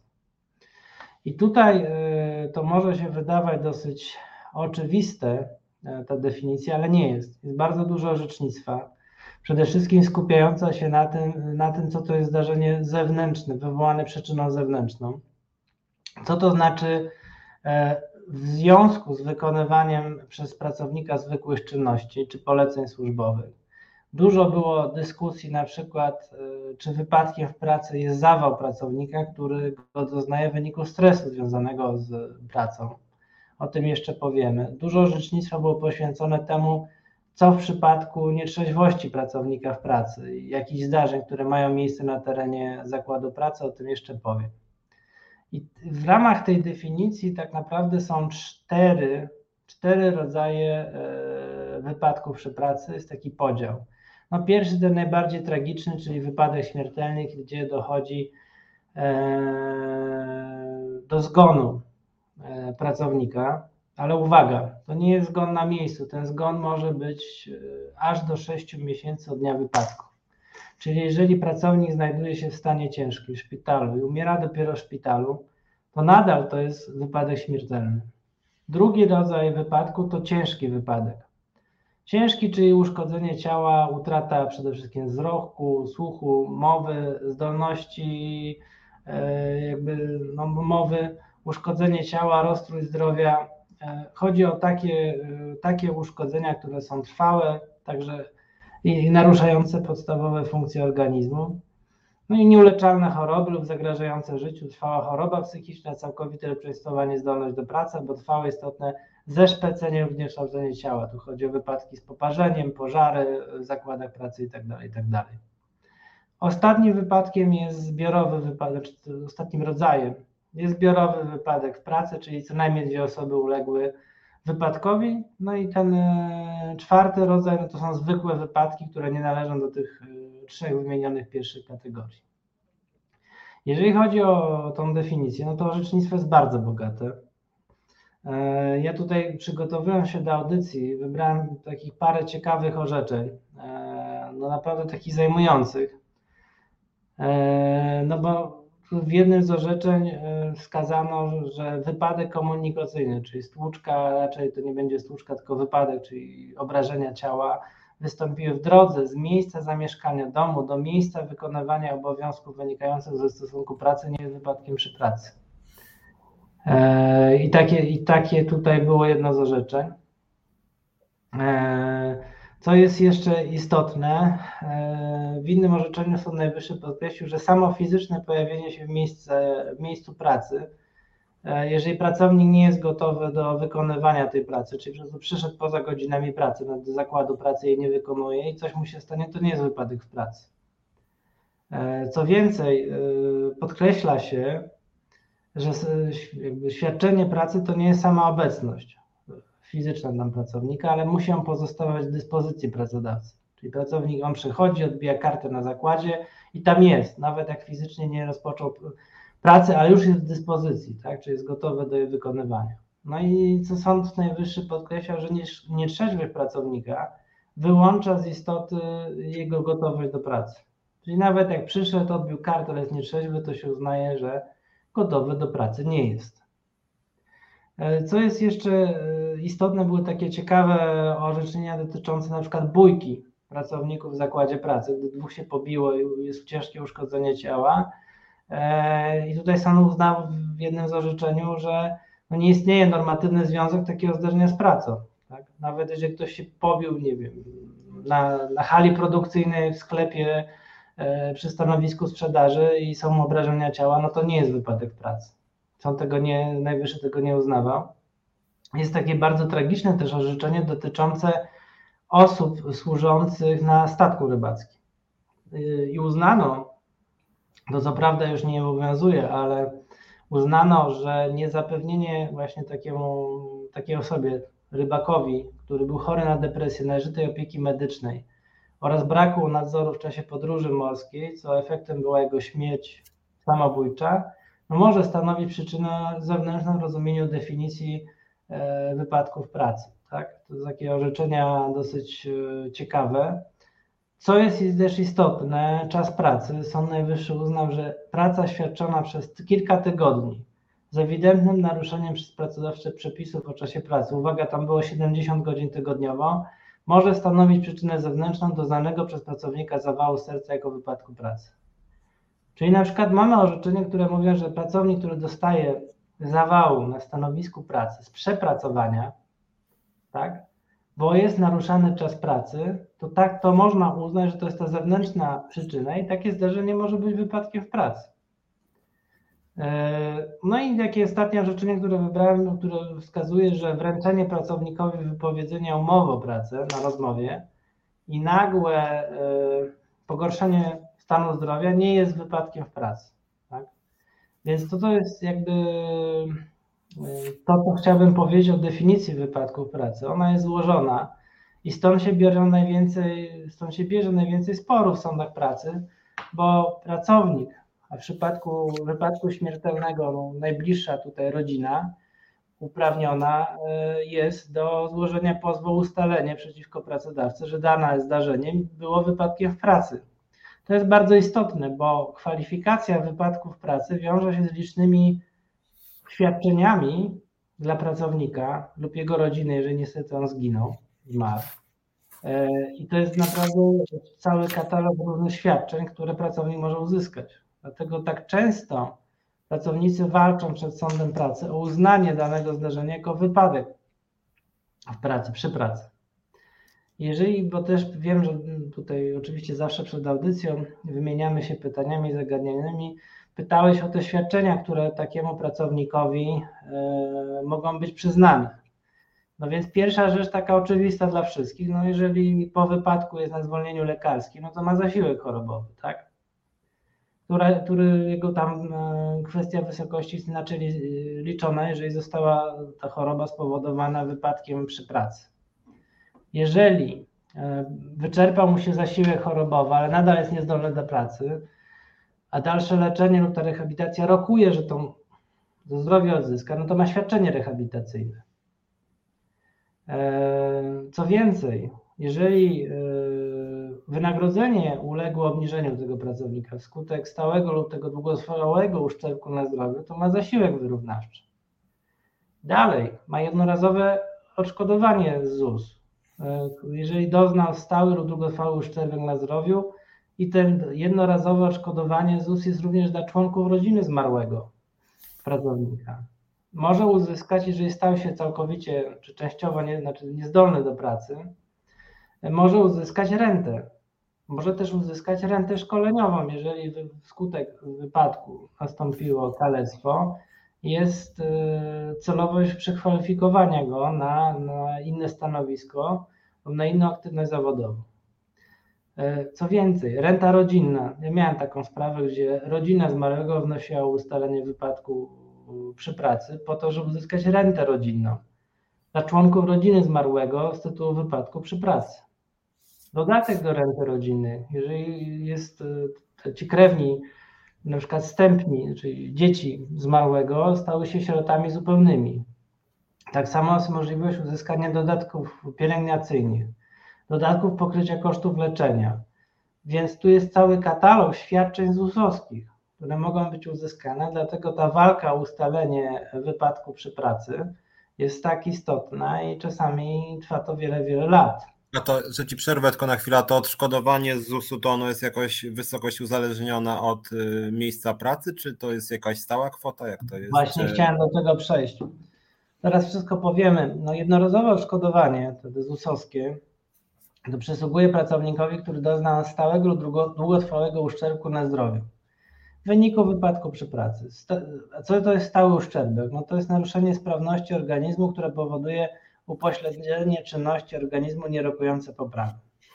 Natomiast za ten długotrwały uszczerbek uważa się naruszenie sprawności organizmu, które powoduje upośledzenie czynności organizmu na okres przekraczający 6 miesięcy. Czyli jeżeli jest był wypadek, to przykład, i ktoś jest na wózku inwalidzkim po tym wypadku, to jest stały uszczerbek. Jeżeli ktoś po tym wypadku jest częściowy, ma częściowe niedowłady, został zoperowany i się rehabilituje i to upośledzenie trwało 6, więcej niż 6 miesięcy, zwykle trwa przy na przykład kręgosłupa, no to to jest długotrwały uszczerbek. I później, jeżeli chodzi o wysokość, e, to ocenia to oczywiście ZUS z uwzględnieniem stopnia tego uszczerbku, e, jak również no, ta ocena jest dokonywana po zakończeniu leczenia rehabilitacji. Zaraz powiem dlaczego. Bo ZUS przyznaje to odszkodowanie w wysokości iloczynu. To jest procent stałego lub długotrwałego uszczerbku na zdrowiu i wysokości 20% przeciętnego wynagrodzenia w gospodarce narodowej w poprzednim roku ogłaszanego przez prezesa GUS. Czyli liczy. Biegli ZUS-u lekarze po prostu procentowo oceniają, jak, jak duży jest ten stały lub długotrwały uszczerbek na zdrowiu. Normalnie, jak spojrzysz na opinię biegłych w sprawach sądowych, to jest liczone procentowo, przeliczane przez te 20% i wychodzi ci to świadczenie. Ono nie jest e, pokaźne e, na pewno. No wydaje oczywiście ZUS decyzję, w której wskazuje, e, czy i w jakiej wysokości przyznaje to świadczenie i od tej decyzji Oczywiście można się odwołać tak, do, do sądu, sądu bodajże rejonowego, do Wydziału Ubezpieczeń Społecznych i to jest to, jest to świadczenie ZUS-owskie. Ale jeszcze jest jedna rzecz, której się bardzo często e, zapomina, bo przecież poszkodowany pracownik może dochodzić odszkodowania bezpośrednio od samego pracodawcy. Ja zaraz powiem, jak zdążymy, o procedurze całej w ogóle wypadkowej, bo ona jest bardzo ciekawa i tam są określone sankcje, ale jeżeli w protokole powypadkowym, to jest najważniejszy dokument w całym postępowaniu, jest wskazane, że jest naruszenie BHP, to, je, to wskazuje nam, że winę za wypadek ponosi kto? No pracodawca. I to potencjalnie otwiera e, pracownikowi lub też jego rodzinie, jeżeli on zmarł, E, dochodzenia odszkodowania na zasadach ogólnych kodeksu cywilnego. Ja z praktyki wiem, że i też moi klienci, też jak reprezentuję pracowników, to często nawet jest ubezpieczenie pracodawcy OC od takich roszczeń. Pierwsza rzecz, którą się zgłasza, to się zgłasza takie roszczenie wobec pracodawcy i też żądanie udostępnienia policji, że takowa jest, żeby tą szkodę zgłosić ubezpieczycielowi pracodawcy, bo jest szansa, że szybciej się takie odszkodowanie uzyska. To się sporządza po prostu formalne wezwanie, przedstawia kopię dokumentów, kopie zleczenia, dokumentację i, i tak dalej, i tak dalej. Ważne w tym wszystkim jest, że po wypadku e, w pracy pracownik powinien gromadzić wszystkie dokumenty. Bo ZUS to są określone rzeczy, które tam się składa, są biegli e, ZUS-owscy. Tu są zupełnie inne zasady, to jest sąd cywilny, trzeba udowodnić e, winę pracodawcy, związek pomiędzy tą szkodą a działaniem, zaniechaniem pracodawcy i też wysokość tej szkody. Więc trzeba zbierać wszystkie kwitki, kwitki mówiąc kolokwialnie, faktury za leczenie prywatne, za rehabilitację, za leki, gromadzić kopie każdej dokumentacji medycznej. Czy też ktoś, bo często pracownicy po takich traumatycznych przeżyciach, no to też e, jest leczenie psychologiczne i psychiatryczne. Więc tutaj też dokumentacja się gromadzi, bo im więcej tych dowodów na to, co mu się stało, gdzie był leczony, jakie były tego koszty, tym jest większa szansa powodzenia e, sprawy w sądzie o odszkodowanie e, od pracodawcy lub jego ubezpieczyciela, bo często jest tak, że jeżeli się polubownie z pracodawcą, z ubezpieczycielem pracownik no nie dogaduje, no to idzie do sądu i pozywa te dwa podmioty. E, jakie są świadczenia? Przede wszystkim odszkodowanie czyli naprawienie szkody. Co to jest? No to są pokrycie tych wszystkich kosztów, które poniósł e, pracownik. Leczenia, rehabilitację, zakup wózka inwalidzkiego, materiałów ortopedycznych, koszty dojazdu placówek medycznych. No powiem Piotrze szczerze, ty też wiesz, że taka sytuacja jest nie inna, że jeżeli jest wypadek w pracy, to pracownik tak naprawdę, żeby mieć skuteczną rehabilitację e, i żeby, no ja mówię może trochę na swoim przykładzie, ale z przeszłości, ale żeby mieć skuteczną rehabilitację, intensywną, żeby mieć dobry sprzęt, dobrych rehabilitantów i nie czekać, a tam dni się liczą, czy, jeżeli chodzi o szansę powodzenia, to wszystko trzeba robić prywatnie. Co kosztuje, więc taki pracownik może domagać się odszkodowania od pracodawcy zwrotu tych kosztów. Po prostu realnych kosztów, dlatego trzeba zbierać te wszystkie dokumenty. Druga rzecz to jest zadośćuczynienie pieniężne za krzywdę doznaną krzywdę, czyli te wszystkie przeżycia, ten ból, cierpienia psychiczne, fizyczne, które e, doznał pracownik. I tu jest bardzo ważna dokumentacja od psychiatry, psychologa, że podjął leczenie, jakie leki e, zażywał w leczeniu psychiatrycznym, czy się leczył, czy się nie leczył, bo te wszystkie dokumenty są oceniane przez biegły sądowy z zakresu psychiatrii. Tak? A ból też jest wyceniany właśnie tym uszczerbkiem. Więc to jest wszystko przeliczane na, na pieniądze i to nie są jakby kwoty ustalane tak dowolnie. No i oczywiście taki pracownik może jeszcze domagać się od pracodawcy renty na podstawie kodeksu cywilnego. To jest rekompensata uszczerbku w dochodach poszkodowanego. Jeżeli utracił on całkowicie lub częściowo niezdolność do pracy zarobkowej, tak? lub albo jeżeli zwiększyły się jego potrzeby, nie zmniejszyły widoki powodzenia na przyszłość, to jest cytat z kodeksu. Więc to można domagać się od pracodawcy, jeżeli udowodnimy, że to z winy jego wypadek wystąpił. Przykład? Na przykład mamy e, taką sytuację, że e, mamy pracownika, kierowcę ciężarówki z ładowarką. Pracodawca daje mu podstawowe szkolenie, e, BHP niby wszystko jest w porządku. Pracownik dokonuje samodzielnie rozładunku i załadunku samochodu na różnych pochylniach ale samochód nie jest wyposażony w tak zwany clean, czyli zabezpieczenie kół. To jest autentyczny przypadek, e, który się wydarzył i samochód jest tylko zabezpieczony e, hamulcem tak, ręcznym. I w zdarzy się, wypadek się zdarzył w ten sposób, że na rampie na pochylni był rozładunek samochodu, samochód się osunął, była awaria hamulca i zgniotła tego niestety pracownika i zabiła na miejscu. No jest protokół BHP, jego rodzina wystąpiła za doświadczenie i odszkodowanie i tam wynikało wprost, że w samochodzie brak było klina i urządzeń wspomagających do zabezpieczenia samochodu przed stoczeniem. I o to właśnie chodzi, tak? W tym sensie, że trzeba w sądzie, i tam też był biegły z zakresu, powołany z zakresu BHP, ale też z zakresu specjalizacja dotycząca wypadków pojazdów mechanicznych, więc wielu biegłych się wypowiadało, czy jest obowiązkowe właśnie tylko przeszkolenie PHP, czy jednak samochód powinien mieć środki zabezpieczające przestoczeniem się. I to jest jeden przykład. Autentyczna sprawa przed mm, wielu, wielu lat, w której uczestniczyłem. Drugi przykład to na przykład hala produkcyjna. Mamy określone instalacje, zawory. Mówię ogólnie, żeby też nie przytaczać zbytnie szczegółów, to to jest przykład życia. I są one źle oznaczone źle oznaczone, pracownik wykonuje jakąś pracę, odkręca zawór powiedzmy z parą, gorącą parą i ulega bardzo dogłębnego poparzeniu. Tak? No i też jest y, postępowanie wyjaśniające, czy jest to wina pracownika, pracownika, że nie, nie dopełni obowiązku, czy pracodawcy, bo były złe oznaczenia i czy w ogóle pracodawca takie oznaczenia musi e, robić w zakładzie pracy. No to są takie przykłady, tak? E, takich właśnie wypadków przy pracy dosyć tragicznych.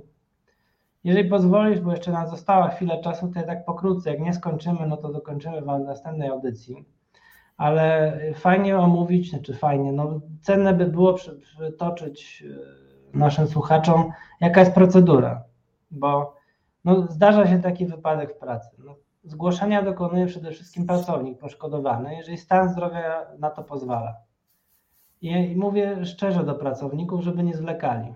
Jeżeli na przykład jest uszkodzenie kręgosłupa, on się źle czuje, idzie na zwolnienie lekarskie, nie zgłasza tego wypadku i mija miesiąc, to takie zgłoszenie po miesiącu, no to nie oszukujmy się, nic, nic że tak powiem, komisja wypadkowa nie ustali. Co się stało, dlaczego się stało? Po prostu są mniejsze szanse uzyskania świadczeń ZUS. Oczywiście y, to zgłoszenie może dokonać inna osoba, która na terenie zakładu pracy zauważyła, jeżeli ten poszkodowany jest na przykład nieprzytomny. Pracodawca ma bardzo ściśle określone obowiązki, co ma wtedy robić. Przede wszystkim udzielić pierwszej pomocy, tak? E, zatrzymać maszyny, inne urządzenia z ruchu, które jakby wiążą się z tym wypadkiem, tak? Powinien wstrzymać pracę zakładu pracy. E, to jest istotne taka obowiązek tego wstrzymania ruchu zakładu i udzielenia pierwszej pomocy dotyczy również osób, które nie są pracownikami pracodawcy. Tu się kłaniają agencje pracy tymczasowej, usługi serwisowe, czyli jeżeli na przykład jakaś inna firma wykonuje sprzątanie na terenie zakładu pracy i coś się dzieje temu pracownikowi, to ten, ten pracodawca, którego zakład pracy jest sprzątany, mimo że to nie jest jego pracownik, ma obowiązki wobec tego tej osoby, która uległa wypadkowi. Druga rzecz to pracodawca ma zabezpieczyć miejsce wypadku. Powinno być e, zabezpieczone to miejsce przed dostępem osób niepowołanych i możliwością uruchomienia bez potrzeby maszyn i innych urządzeń technicznych, tak? Czyli musi zabezpieczyć by, tak, żeby te osoby, e, mówiąc kolokwialnie, nie zadeptały śladów, dowodów dotyczących tego, co tam się wydarzyło. Zgodę na uruchomienie maszyn i urządzeń e, jest wydawana pracodawca, znaczy wydaje pracodawca przez pracodawcę w uzgodnieniu ze społecznym inspektorem pracy, ale po dokonaniu oględzin, tak, czyli sporządza się szkic, fotografię, a przy śmiertelnym lub ciężkim zbiorowym wypadku, to takie uruchomienie urządzeń dopiero może nastąpić po ustaleniu z inspektorem pracy i prokuratorem. E, dokonywanie zmian w miejscu wypadku bez zgody pracodawcy jest tylko dopuszczalne, gdy jest zagrożenie ratowania osób lub czyli na przykład zakład pracy płonie i musimy pewne rzeczy, ludzi ratować w pierwszej kolejności niż maszyny. Co, jest, co pracodawca powinien zrobić dalej? Musi zawiadomić o wypadku właściwego okręgowego inspektora pracy i też inne organy. I to jest bardzo istotne bo pracodawca jest zobowiązany niezwłocznie zawiadomić właściwego terytorialnie ze względu na miejsce wydarzenia okręgowego inspektora pracy i prokuratora o śmiertelnym, ciężkim lub zbiorowym wypadku pracy, o każdym innym też wypadku, który wywoła wymienione skutki. Zaniechanie tego obowiązku powiadomienia, w tym właściwego okręgowego inspektora pracy, stanowi m.in. wykroczenie z kodeksu pracy, jeszcze o tym powie, jest zagrożone karą. Eee, co, I co następnie poza tymi zawiadomieniami robi pracodawca, to powołuje zespół powypadkowy. Zespół ma na celu ustalenie okoliczności i przyczyn wypadku. Eee, co do zasady to są zespoły dwuosobowe, ale oczywiście jest liczne wyjątki, eee, bo podstawowy skład no to jest pracownik Służby Bezpieczeństwa i Higieny Pracy oraz społeczny inspektor pracy ale są wyjątki w przepisach, o tym teraz nie będę mówił, bo też trochę nie mamy czasu. No i ten zespół ustala okoliczności i przyczyny wypadku. e, i musi do, przystąpić do czynności nie, niezwłocznie, czyli dokonuje oględzin miejsca wypadku, robi zdjęcia, szkice, sprawdza maszyny, dokonuje jakby oceny e, stanu tych maszyn i urządzeń ochrony, czy były kaski, czy były oznaczenia na przewodach i tak dalej, i tak dalej. Sporządza, tak jak powiedziałem, szkic, fotografię, Wysłuchanie, sporządza się protokół z wysłuchania wyjaśnień poszkodowanego. No jeżeli się stan zdrowia pozbawiony, jest nieprzytomny szpitalu, no to się odkłada tak tą, tą czynność. Zbiera się informacje od świadków, też dokonuje się zasięgnięcia opinii lekarza, a także w razie potrzeby opinii innych specjalistów. Zbiera się inne dowody, tak? E, na przykład monitoring, nagrania z monitoringu, bardzo ważne. E, no i dokonuje prawnej kwalifikacji wypadku, czyli stwierdza, czy to był wypadek pracy, czy nie był to wypadek pracy. A jeżeli wypadek pracy, to też określa środki profilaktyczne i wnioski do pracodawcy, jak ma robić w przyszłości, żeby to się nie powtórzyło. I oczywiście ma prawo też do wykorzystania w swoim postępowaniu materiałów zebranych przez policję, prokuraturę i inspekcję pracy. Co jeszcze tutaj jest bardzo ważne? Przepisy prawa nie przewidują zwolnienia pracodawcy z obowiązku przeprowadzenia dochodzenia powypadkowego. Jeżeli pracodawca tego nie robi, to znaczy, że narusza prawo. Wypadek przy, przy pracy nie może być zamieciony pod dywan. Nie może. Na koniec tego postępowania sporządza się i zatwierdza protokół powypadkowy. Zespół sporządza ten protokół, Protokół jest podstawą do ustalenia uprawnień do tych świadczeń odszkodowawczych ZUS-u i innych świadczeń i roszczeń pracownika. Więc to jest najważniejszy dokument, na który pracownik powinien zwrócić uwagę i zaraz powiem o jego podstawowym prawie, które ma. Zespół sporządza ten e, protokół powypadkowy nie później niż 14 dni od daty zgłoszenia wypadku i przekazuje niezwłocznie do zatwierdzenia pracodawcy. No dołącza też do komplet dokumentów, czyli wszystkie rzeczy, które zgromadził, dowody, fotografie, szkice. E, co jest istotne, zespół ma obowiązek zapoznania poszkodowanego z treścią protokołu przez, przed potwierdzeniem przez pracodawcę i musi go poinformować. Masz prawo wniesienia uwag i zastrzeżeń. Ja zale bardzo zalecam wszystkim klientom, żeby dokładnie się zapoznać, co tam jest napisane i wykładali te zastrzeżenia, bo jeżeli będzie napisane, że się przyczynił do wypadku pracownik, to może mu zamknąć drogę do, do, do roszczeń, do świadczeń. Więc musi dokładnie to przeczytać. Jeżeli ma uwagi i zastrzeżenia, to powinien złożyć na piśmie, wprost protokole, albo nawet jako pismo dalej, jako załącznik do protokołu. Poszkodowany ma też prawo robić kopię od y, zdjęcia tych wszystkich dokumentów i protokołu. To jest bardzo ważne, bo w przyszłości, jak będzie kwestionował winę pracodawcy, pracodawca, albo pracownik dowodził tej winy, albo będzie dowodzone, z jakiej przyczyny, kto naruszył obowiązki, powstał ten wypadek przy pracy, to to są najważniejsze dokumenty. Najważniejsze. I to samo uprawnienia przysługują członkom rodziny poszkodowanego, o tym się zapomina. E, no i w przypadku zgłoszenia zastrzeżeń przez poszkodowanego lub członków rodziny, albo gdy ten protokół nie odpowiada warunkom określonym w przepisach, pracodawca ma obowiązek zwrócenia tego protokołu do zespołu w celu wyjaśnienia i uzupełnienia. To nie jest tak, że pracownik zgłasza swoje zastrzeżenia, pracodawca zatwierdza protokół. Musi go zwrócić i zespół na nowo musi przeanalizować te zastrzeżenia pracownika. No i po dokonaniu tych wyjaśnień uzupełnień zespół sporządza, tam ma termin 5 dni bodajże, nowy protokół powypadkowy, który dołącza ten stary protokół, no jest finalne zatwierdzenie. E, co jest istotne, poszkodowany pracownik, a w razie przypadku śmiertelnego e, jego członkowie rodziny mogą wystąpić o ustalenie i sprostowanie protokołu do sądu pracy. 189 KPC, czyli Kodeksu Postępowania Cywilnego. Czyli jeżeli coś jest niezgodne i coś jest przekłamane, to jest prawo do roszczenia. E, no jeżeli zamieszczamy informację, że coś nie jest wypadkiem przy pracy, to ten zespół ma obowiązek wyjaśnić, dlaczego on przyjął taką kwalifikację. Tak jak mówiłem, protokół musi być, musi być doręczony poszkodowanemu i musi być e, e, doręczony właściwemu inspektorowi pracy. Pracodawca ma obowiązek niezwłocznego doręczenia protokołów powypadkowych dotyczących wypadków śmiertelnych, ciężkich i zbiorowych właściwemu ze względu na miejsce zdarzenia inspektorowi pracy państwowej e, inspekcji pracy. E, jeżeli PIP stwierdzi, że w protokole zamieszczono ustalające naruszające uprawnienia pracownika lub występujące nieprawidłowe wnioski profilaktyczne, inspektor może ten dokument zwrócić pracodawcy i zawnioskować też o ponowne ustalenie okoliczności przyczyn wypadku. Co więcej, pracodawca prowadzi rejestr wypadków przy pracy i taki wypadek powinien zarejestrować.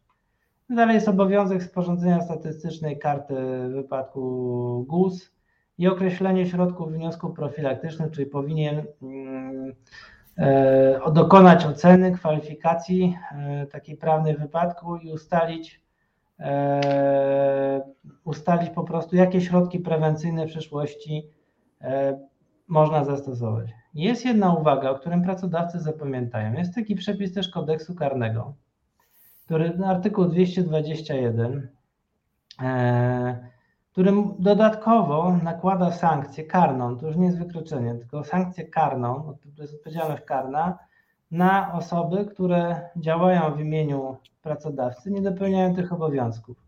To jest przepis, który mówi, kto wbrew obowiązkowi nie zawiadamia w terminie właściwego organu o wypadku przy pracy lub chorobie zawodowej, albo nie sporządza lub nie po, przedstawia wymaganej dokumentacji, podlega grzywnie do 180 stawek dziennych albo karze ograniczenia wolności. Zamiatanie wypadku pod dywan to jest odpowiedzialność karna, taka jest prawda. Tak? E, no tam się mówi oczywiście, to wyjątek to jest ten zwykły wypadek przy pracy, bo ustawa przede wszystkim wskazuje na E, obowiązek zawiadomienia o śmiertelnym, ciężkim, zbiorowym e, wypadku w pracy, a także o innym wypadku, który podobne skutki wywołuje, tak? Więc to jest jakby upraszczając cała procedura powypadkowa, e, w której pracownik powinien się pojawiać i powinien się angażować i powinien patrzeć na protokół powypadkowy. Co tam jest napisane? Czy jest wskazane, że pracodawca coś naruszył? może pracownik coś nazywa. Jeżeli się z nim nie zgadza, to powinien zgłosić swoje uwagi.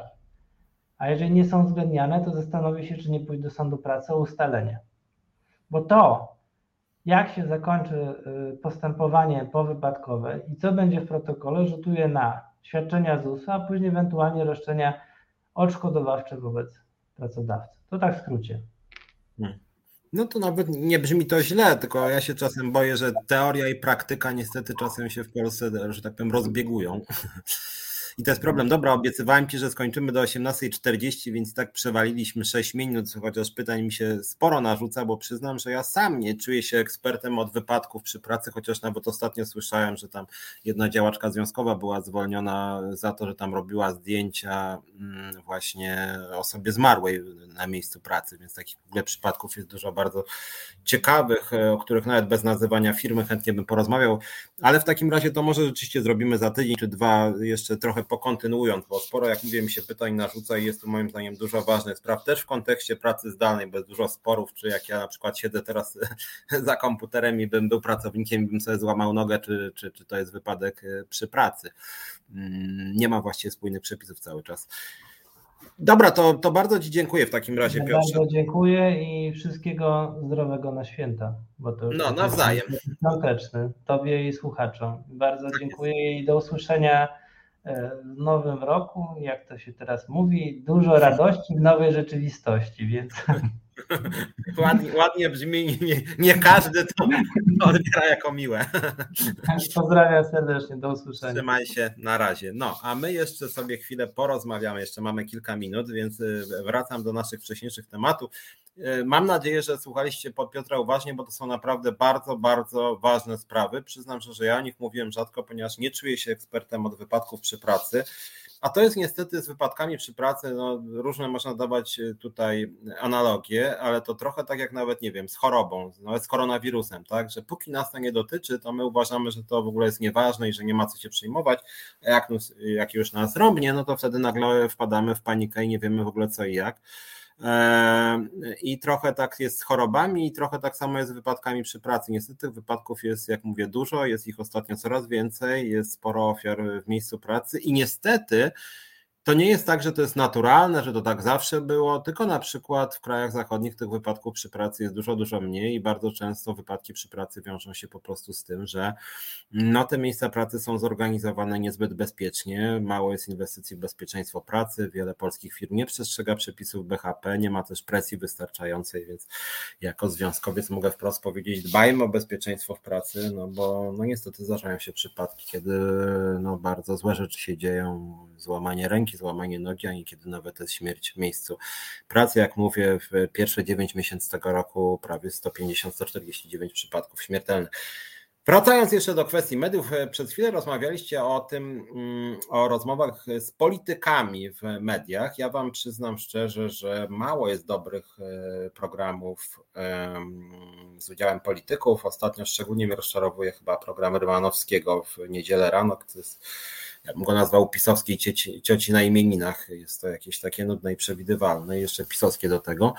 Mm, nie wiem, co myślicie. Ja może kiedyś e, spróbuję zapraszać polityków, tylko formuła tego mojego programu Czas na Związki jest taka, no, że właśnie rozmawiamy ze związkowcami i o pracownikach, tak, o prawach pracowniczych, o polityce społecznej więc to musiała być trochę inna formuła e, programu. Zastanowię się nad tym. Mam też jeszcze inny problem z politykami, mm, że ja mógłbym ewentualnie prowadzić program mm, z politykami w jakimś kanale typu, nie wiem, TVN24, żeby mi ktoś tych polityków zapraszał i żeby oni przychodzili, bo obawiam się, że jak zaproszę sobie tutaj do resetu pierwszego polityka, zadam mu bardzo trudne pytania, tylko takie moim zdaniem jest sens zadawać to nie wiem, czy później już ci politycy do mnie przyjdą, bo ja akurat staram się być e, rzeczowo obiektywny i nawet jakbym zaprosił e, kogoś, na kogo głosowałem, to te pytania byłyby trudne. Na przykład e, no, głosowałem w ostatnich wyborach na Magdalenę Biejat, miałbym do niej dużo pytań, które mogły być dla niej bardzo trudne, dotyczące e, polityki prowadzonej przez jej klub, przez lewicę. Mm, na przykład, dlaczego popierają zróżnicowanie wieku emerytalnego kobiet i mężczyzn. Żadna chyba partia lewicowa w Europie czegoś takiego nie popiera. E, tudzież, dlaczego popierają zakaz pracy w niedzielę w wersji Solidarności, chociaż to jest dowartościowanie śmieciowego segmentu handlu zupełnie nie ma to żadnego sensu i jest to niekorzystne i dla klientów, i dla pracowników. Mm, dlaczego usiedli z PiSem przy Krajowym Planie Odbudowy i go poparli. Dotychczas nie został wdrożony i to jest właściwie porażka nie tylko PiSu, ale też lewicy. E, no, więc e, miałbym dużo trudnych pytań, nie tylko do polityków PiSu, ale też lewicy czy Platformy Obywatelskiej, więc, e, więc, więc, więc, więc nie wiem, czy oni by chcieli do mnie przychodzić. Po pierwszym gościu, któremu bym zadał dużo trudnych pytań.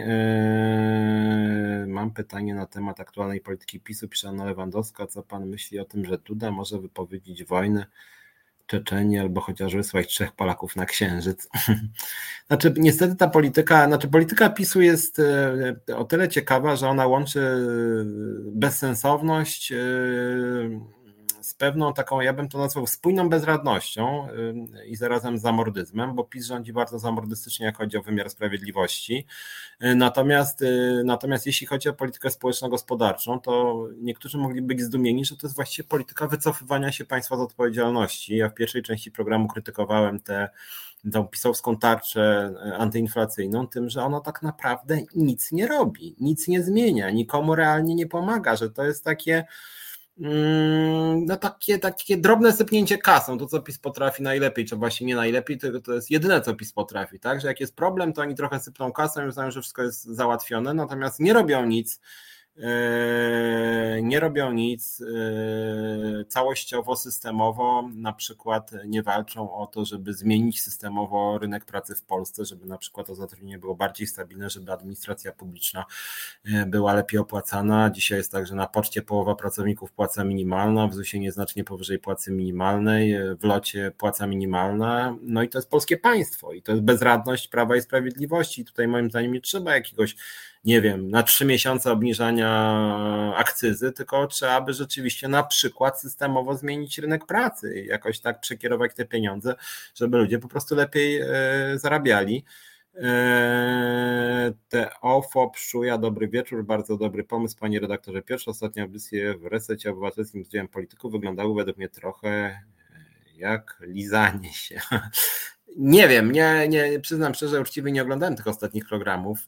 Strasznie e, pracowity dla mnie jako związkowca jest ten koniec roku. E, ja mogę tylko obiecać, e, że jak ja zaproszę polityków, to niezależnie od barwy par politycznych, to będą trudne pytania. Mm, Monika Żelazik wszystkiego dobrego wszystkim życzy i leci ubierać choinkę.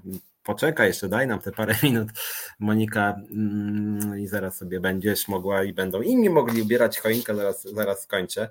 Eee, pomyślę nad tym zapraszaniem polityków. To znaczy, rzeczywiście uważam, że bardzo źle się dzieje z polską sceną medialną, że bardzo, y, że nie ma takich merytorycznych, trudnych dyskusji politycznych że politycy się lubią obrażać o to, że że dostają trudne pytania. Więc ale okej, okay, no jeżeli jest takie wasze oczekiwanie, zastanowię się nad tym, żeby rzeczywiście jakiegoś polityka również opozycji zaprosić.